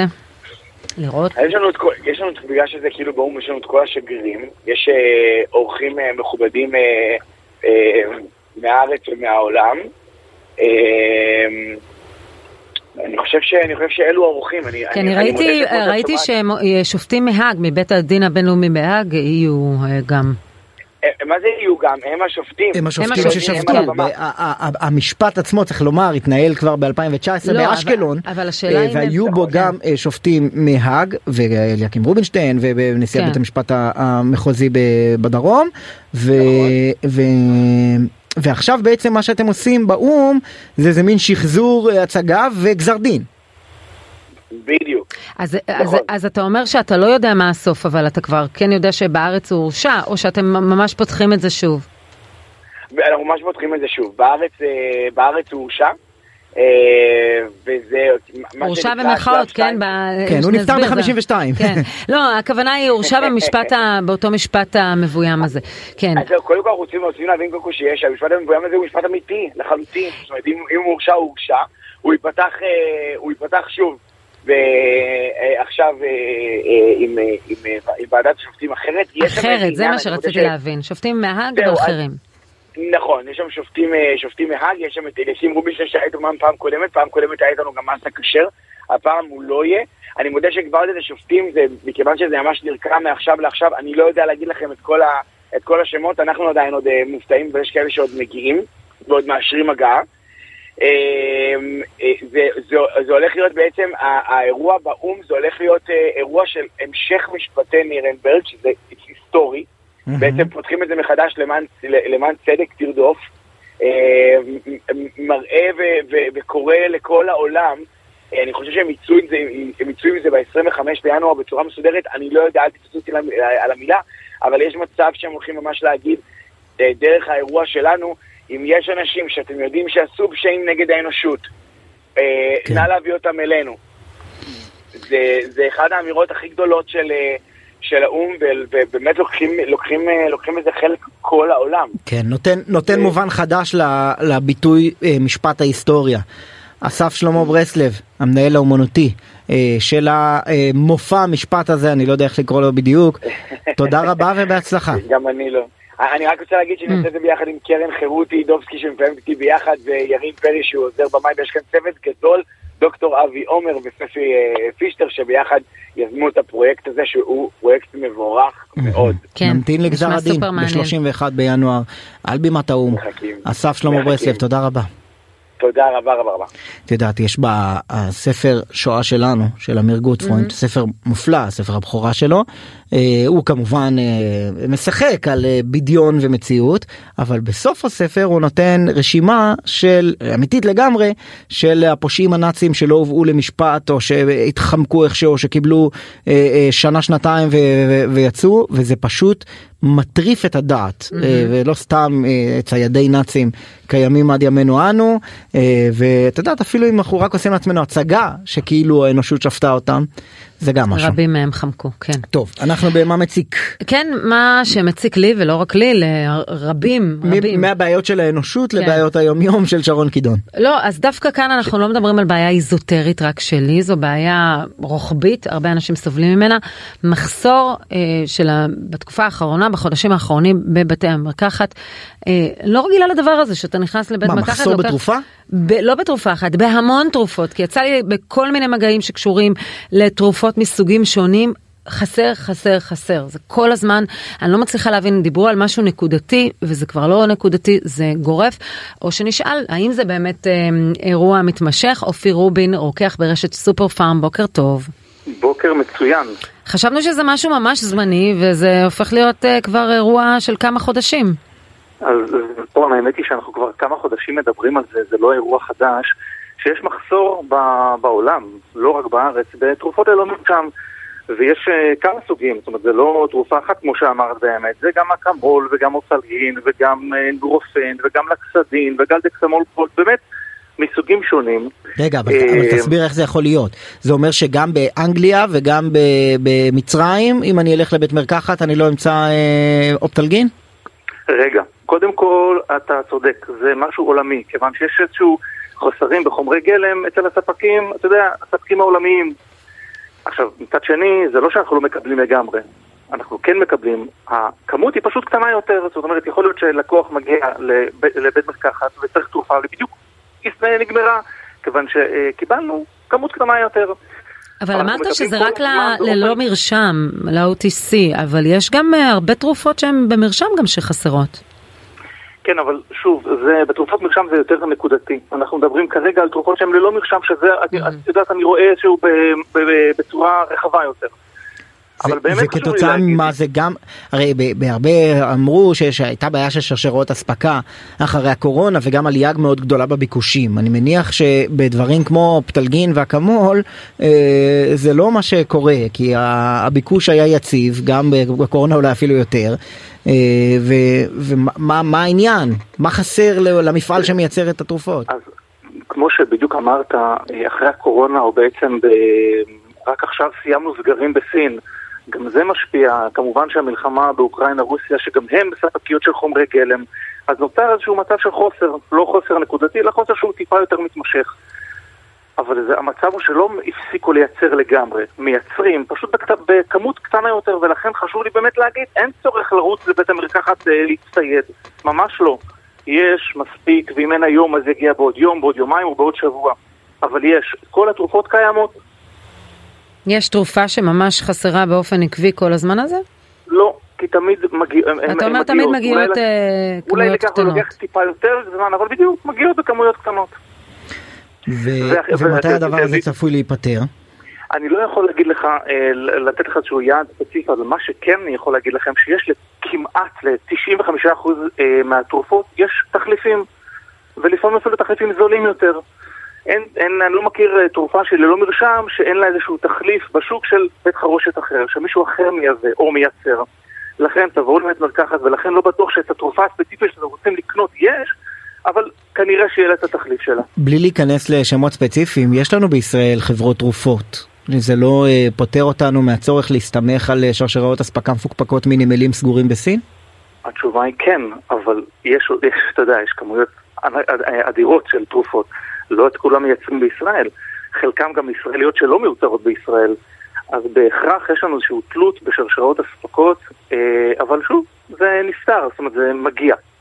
כלומר העניין הזה הולך להיגמר, אה, אבל אמרת בתחילת הראיון אה, משהו על חוסר בחומרי גלם. כן. ما, מה זה? אנחנו יודעים כאילו חומרים ספציפיים שמה? שחסרים בעולם באופן כללי? לא, אני לא, אני לא יכול להיכנס לך לנקודה של איזה סוג חומר גלם יש או אין ומתי הוא בחוסר או לא, אבל ב, ב, כי אתה יודע, יש באמת מגוון גדול של תרופות שחסרות כרגע, שוב, לטווחים קצרים. אמ, אבל יש חלופות להכל. יש. לכל דבר את, ה, את החלופה הגנרית שלו. אז אין טעם, אתה יודע, אמ, להתמקד באיזושהי תרופת מקור מסוימת שהיא חסרה. לא נורא, יש תחליף. לא, כי קראתי שיש איזה בעיה עם האופן שבו משרד הבריאות מאשר אה, שיווק, שבחודשים האחרונים הם מאוד איטיים ו- ומתחילים להצטבר חוסרים, אז דיברו על מחסור באפידורל, אה, העניין הזה נפתר נקודתית, אבל יש, אה, מצטבר, מצטברה ניירת ברמה הבירוקרטית. אני לא, אין לי מידע לגבי אה, בירוקרטיה של משרד הבריאות, אני לא יכול לענות על זה מצטער. אבל אתה, אתה מייחס את העיכוב יותר לנושא של ייצור ולא לנושא נכון, של בירוקרטיה ורגולציה. נכון, נכון. טוב, אופיר רובין, רוקח ברשת סופר פארם, תודה רבה. אתה אומר תתאפקו, כל תרופה תגיע בזמן לבית המרקחת. או, לק... או לקנות, לרכוש תרופה חלופה, זולה יותר. כן, לא תמיד יש דרך אגב. לרוב, באמת, לרוב כן? יש. לרוב יש. לרוב אוקיי. התרופות יש. תודה רבה לך. ביי ביי, להתראות, יום טוב. ואיך אנחנו אוהבים לסיים כל בוקר כאן בשידור? פינת הבוקר אה, שלנו עם אנשים שעושים לנו כיף. אנשי תרבות ורוח. ודפנה דקל איתנו. בוקר טוב לך. בוקר אור. הנה שומעים את הצלילים שלך ברקע. שיר אה, שומר עלינו. נכון, שיוצאת נכון. ממש השנה, לפני כמה חודשים. נכון, נכון. איזה כיף, איזה קול צלול ונעים לשמוע. מה. שלומך? אה, בסדר גמור. איך אה, הבקרים כמה שלך? כן. שניתן בימים אלו. דברי, מה? דברי, תפרטי. אה, אה, תראי, בסך הכל אה, קורים המון דברים מסביב שהם לא פשוטים, אבל, אבל אני לא יכולה להתלונן על המקום האישי שאני נמצאת בו. אני עושה דברים שאני אוהבת, אני מופיעה הרבה, אני אה, באמת נהנית ממה שאני עושה, אז אני, אז אני לא יכולה להתלונן. מהמם. אמ, מה- מה בעיקר מעשייך בימים אלה? כי אני, את יודעת, אני נשארתי איתך עוד בהופ ילדים, ואני מבינה שקצת עזבת את הנושא של הילדים. הפרידה כן, הקשה מדודידו. כן. מה זה? נפרדתם, את ודודידו. נפרדנו, נפרדנו כידידים, אבל נפרדנו סופית. אה, אני כבר הרבה מאוד שנים אה, אה, עוסקת רק בתחום המבוגרים. למה בעצם? קצת הרגשתי, הייתה לי איזושהי תחושת מיצוי, ואני בתחום, בטח ובטח בתחום שכמו שאמרתם עוסק ברוח, ומאוד קשה להישאר כשאתה מרגיש שזה, ש, שמיצית את זה. אבל, אה, אבל שמעתי, אני לא ככה ממש מהתחום, אבל שמעתי שליצור לילדים זה אולי קריאה, אבל זה הרבה כסף. אמ, אני לא יודעת להגיד, יש פה גם השקעה מאוד גדולה. אמ, הרבה כסף, גם בתחום המבוגרים אתה יכול להרוויח הרבה כסף, גם בתחום הילדים, ואותו, ו- ולהפך, אתה יכול לא להרוויח כלום, גם בתחום הילדים וגם בתחום המבוגרים. מאוד תלוי בפוזיציה שאתה נמצא בה, מאוד תלוי בתקופה. אה, זה לא, לא הייתי שם בשביל כסף, אני לא בתחום הזה בשביל כסף. לא, אבל, עזבת את עולם הילדים כי הרגשת שבא לך ליצור משהו עם שאר רוח יותר? כי התגעגעתי לתחום המבוגרים, Mhm. והרגשתי תחושת, והרגשתי שבתחום הילדים, מה שנקרא, נתתי כל שהיה לי לתת. וזה גם אה, מגביל, את, אה, לפעמים אתה נמצא בטייפקאסט מסוים, אז קשה לך לעבוד במקביל עם קהלים מבוגרים אה, יותר. נכון, נכון, ניסיתי לעשות את זה במקביל, זה לא צלח. ולשמחתי, אחרי שעשיתי את הסוויץ' הזה והגעתי לתחום המבוגרים, אז אני באמת, טפו טפו, בפריחה והרבה מאוד הצגות במקביל. אה, מחר אנחנו עם שוק המציאות בהרצליה, ויש אה, עוד חוזר הניגון, סימני דרך. אה, מופיעה הרבה, מתארחת בהרבה מאוד מופעים. איזה יופי. בשבוע הבא מופע מחווה לעופרה חזה באור יהודה. יום שישי עם האחים מסנר ברחובות. בקיצור, בתנועה. את, את זוכרת כל הזמן. יום מה יש לך? כי כל דבר זה משהו אחר. אה, לא. לא זוכרת, אני צריכה להסתכל ביומן, ואני מודה שלפני הראיון הסתכלתי. אמרת לי, לא יודע מה מחכה לי השבוע, חזה, עוד חוזר הניגון.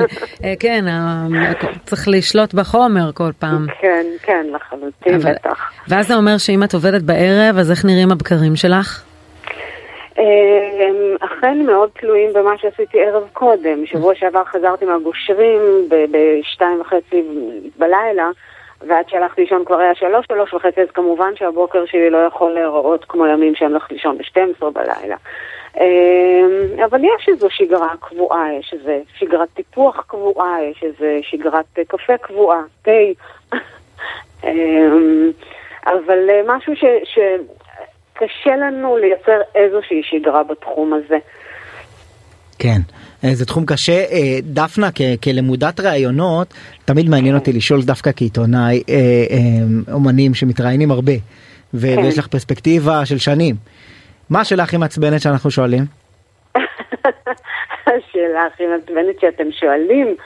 אה, תראה, אני לא יכולה לקרוא לזה מעצבנת, אבל יש שאלות שחוזרות על עצמן, שנגיד, מה את אוהבת יותר, לשחק או לשיר? אה, שזה מוזר, אם בחרתי בשניהם, אז obviously אני אוהבת את שניהם. זה אבא או אמא. וכן, אה, זו שאלה ששמעת הרבה? המון, המון המון המון. כן, כן, היא חוזרת על עצמה רבות. יפה, מה עוד בא לך לעשות? מה עוד בא לי לעשות? כן, אנחנו נלך בכיוון הלא מעצבן. במקום לאלימינציה, אנחנו מוסיפים. מה, תפקיד, חלום מקצועי, מה בא לך? אה, קודם כל בא לי שוב אה, לשחק בסדרה אה, בטלוויזיה, אני מאוד אוהבת את, ה, את המדיום הזה של הטלוויזיה וקולנוע, שזה, כשאני לא שם זה חסר לי מאוד. ואני גם מרגישה שאלו דברים שהם קצת פחות בשליטתי, נאמר, מתחום ההופעות או המוזיקה שאני יכולה להחליט מתי אני מקליטה, מתי אני לא מקליטה. סדרות ו- וקולנוע זה עם... אם כאילו זה הבמאי, אה, זה אתה נופל בול בטייפקאסט שלו. ואת ו... הולכת לעשות אודישנים? אני הולכת, כמובן, כמובן. אה, אני, אני לא מאמינה בעניין הזה של אה, הגעתי לגיל מסוים שאני כבר לא צריכה לעשות אודישנים, לא. במאי צריך לראות אם זה מתיישב לו עם הדמות, אם זה, אם זה מתיישב במה שנקרא במצ'ינג, כשאתה יושב מול השחקן שצריך לשחק איתך את הפרטנר שלך.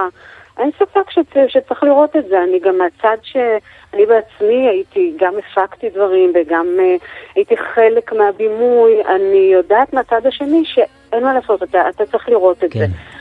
לא, וגם בישראל צריך לומר, אין כמעט אנשים שיש להם מעמד כזה. גם הכוכבים הכי גדולים אה, צריכים בסוף אה, לצלם את לא עצמם. כי זה דיוק של תפקיד. לא רק, לא רק בישראל, לא רק בישראל. צריך לראות את זה רגע, להרגיש את זה. כן, יפה. אנחנו uh, שומעים את שומר עלינו, מילים ולחן של עמית צח, נכון. שהוא גם ממשפחה מוזיקלית, כן. כן. Uh, יפה. אז, אז אנחנו מסיימים את התוכנית טוב. שלנו ואת הבוקר הזה איתך. דפנה דקל, אנחנו מאחלים לך המון המון בהצלחה והיה כיף שפתחת איתנו את הבוקר. תודה רבה לכם. תודה, שומר ו... עלינו. כן, בוא נשמע קצת. אז אנחנו uh, מסיימים כאן. אה, יחד עם דפנה דקל את השידור הזה. ערכה אותנו ריקי כרמי, הפיקו יובל כהן ומאיה פרדו, הטכנאי שלנו כרגיל. אה, מנכ"ל משרד האנרגיה והחלל והטכנולוגיה עמרי זינגר. וזהו, שרון קידון. תודה רבה. תודה, ישי שנר, תודה רבה. ואם לא נותר דבר, יש בינינו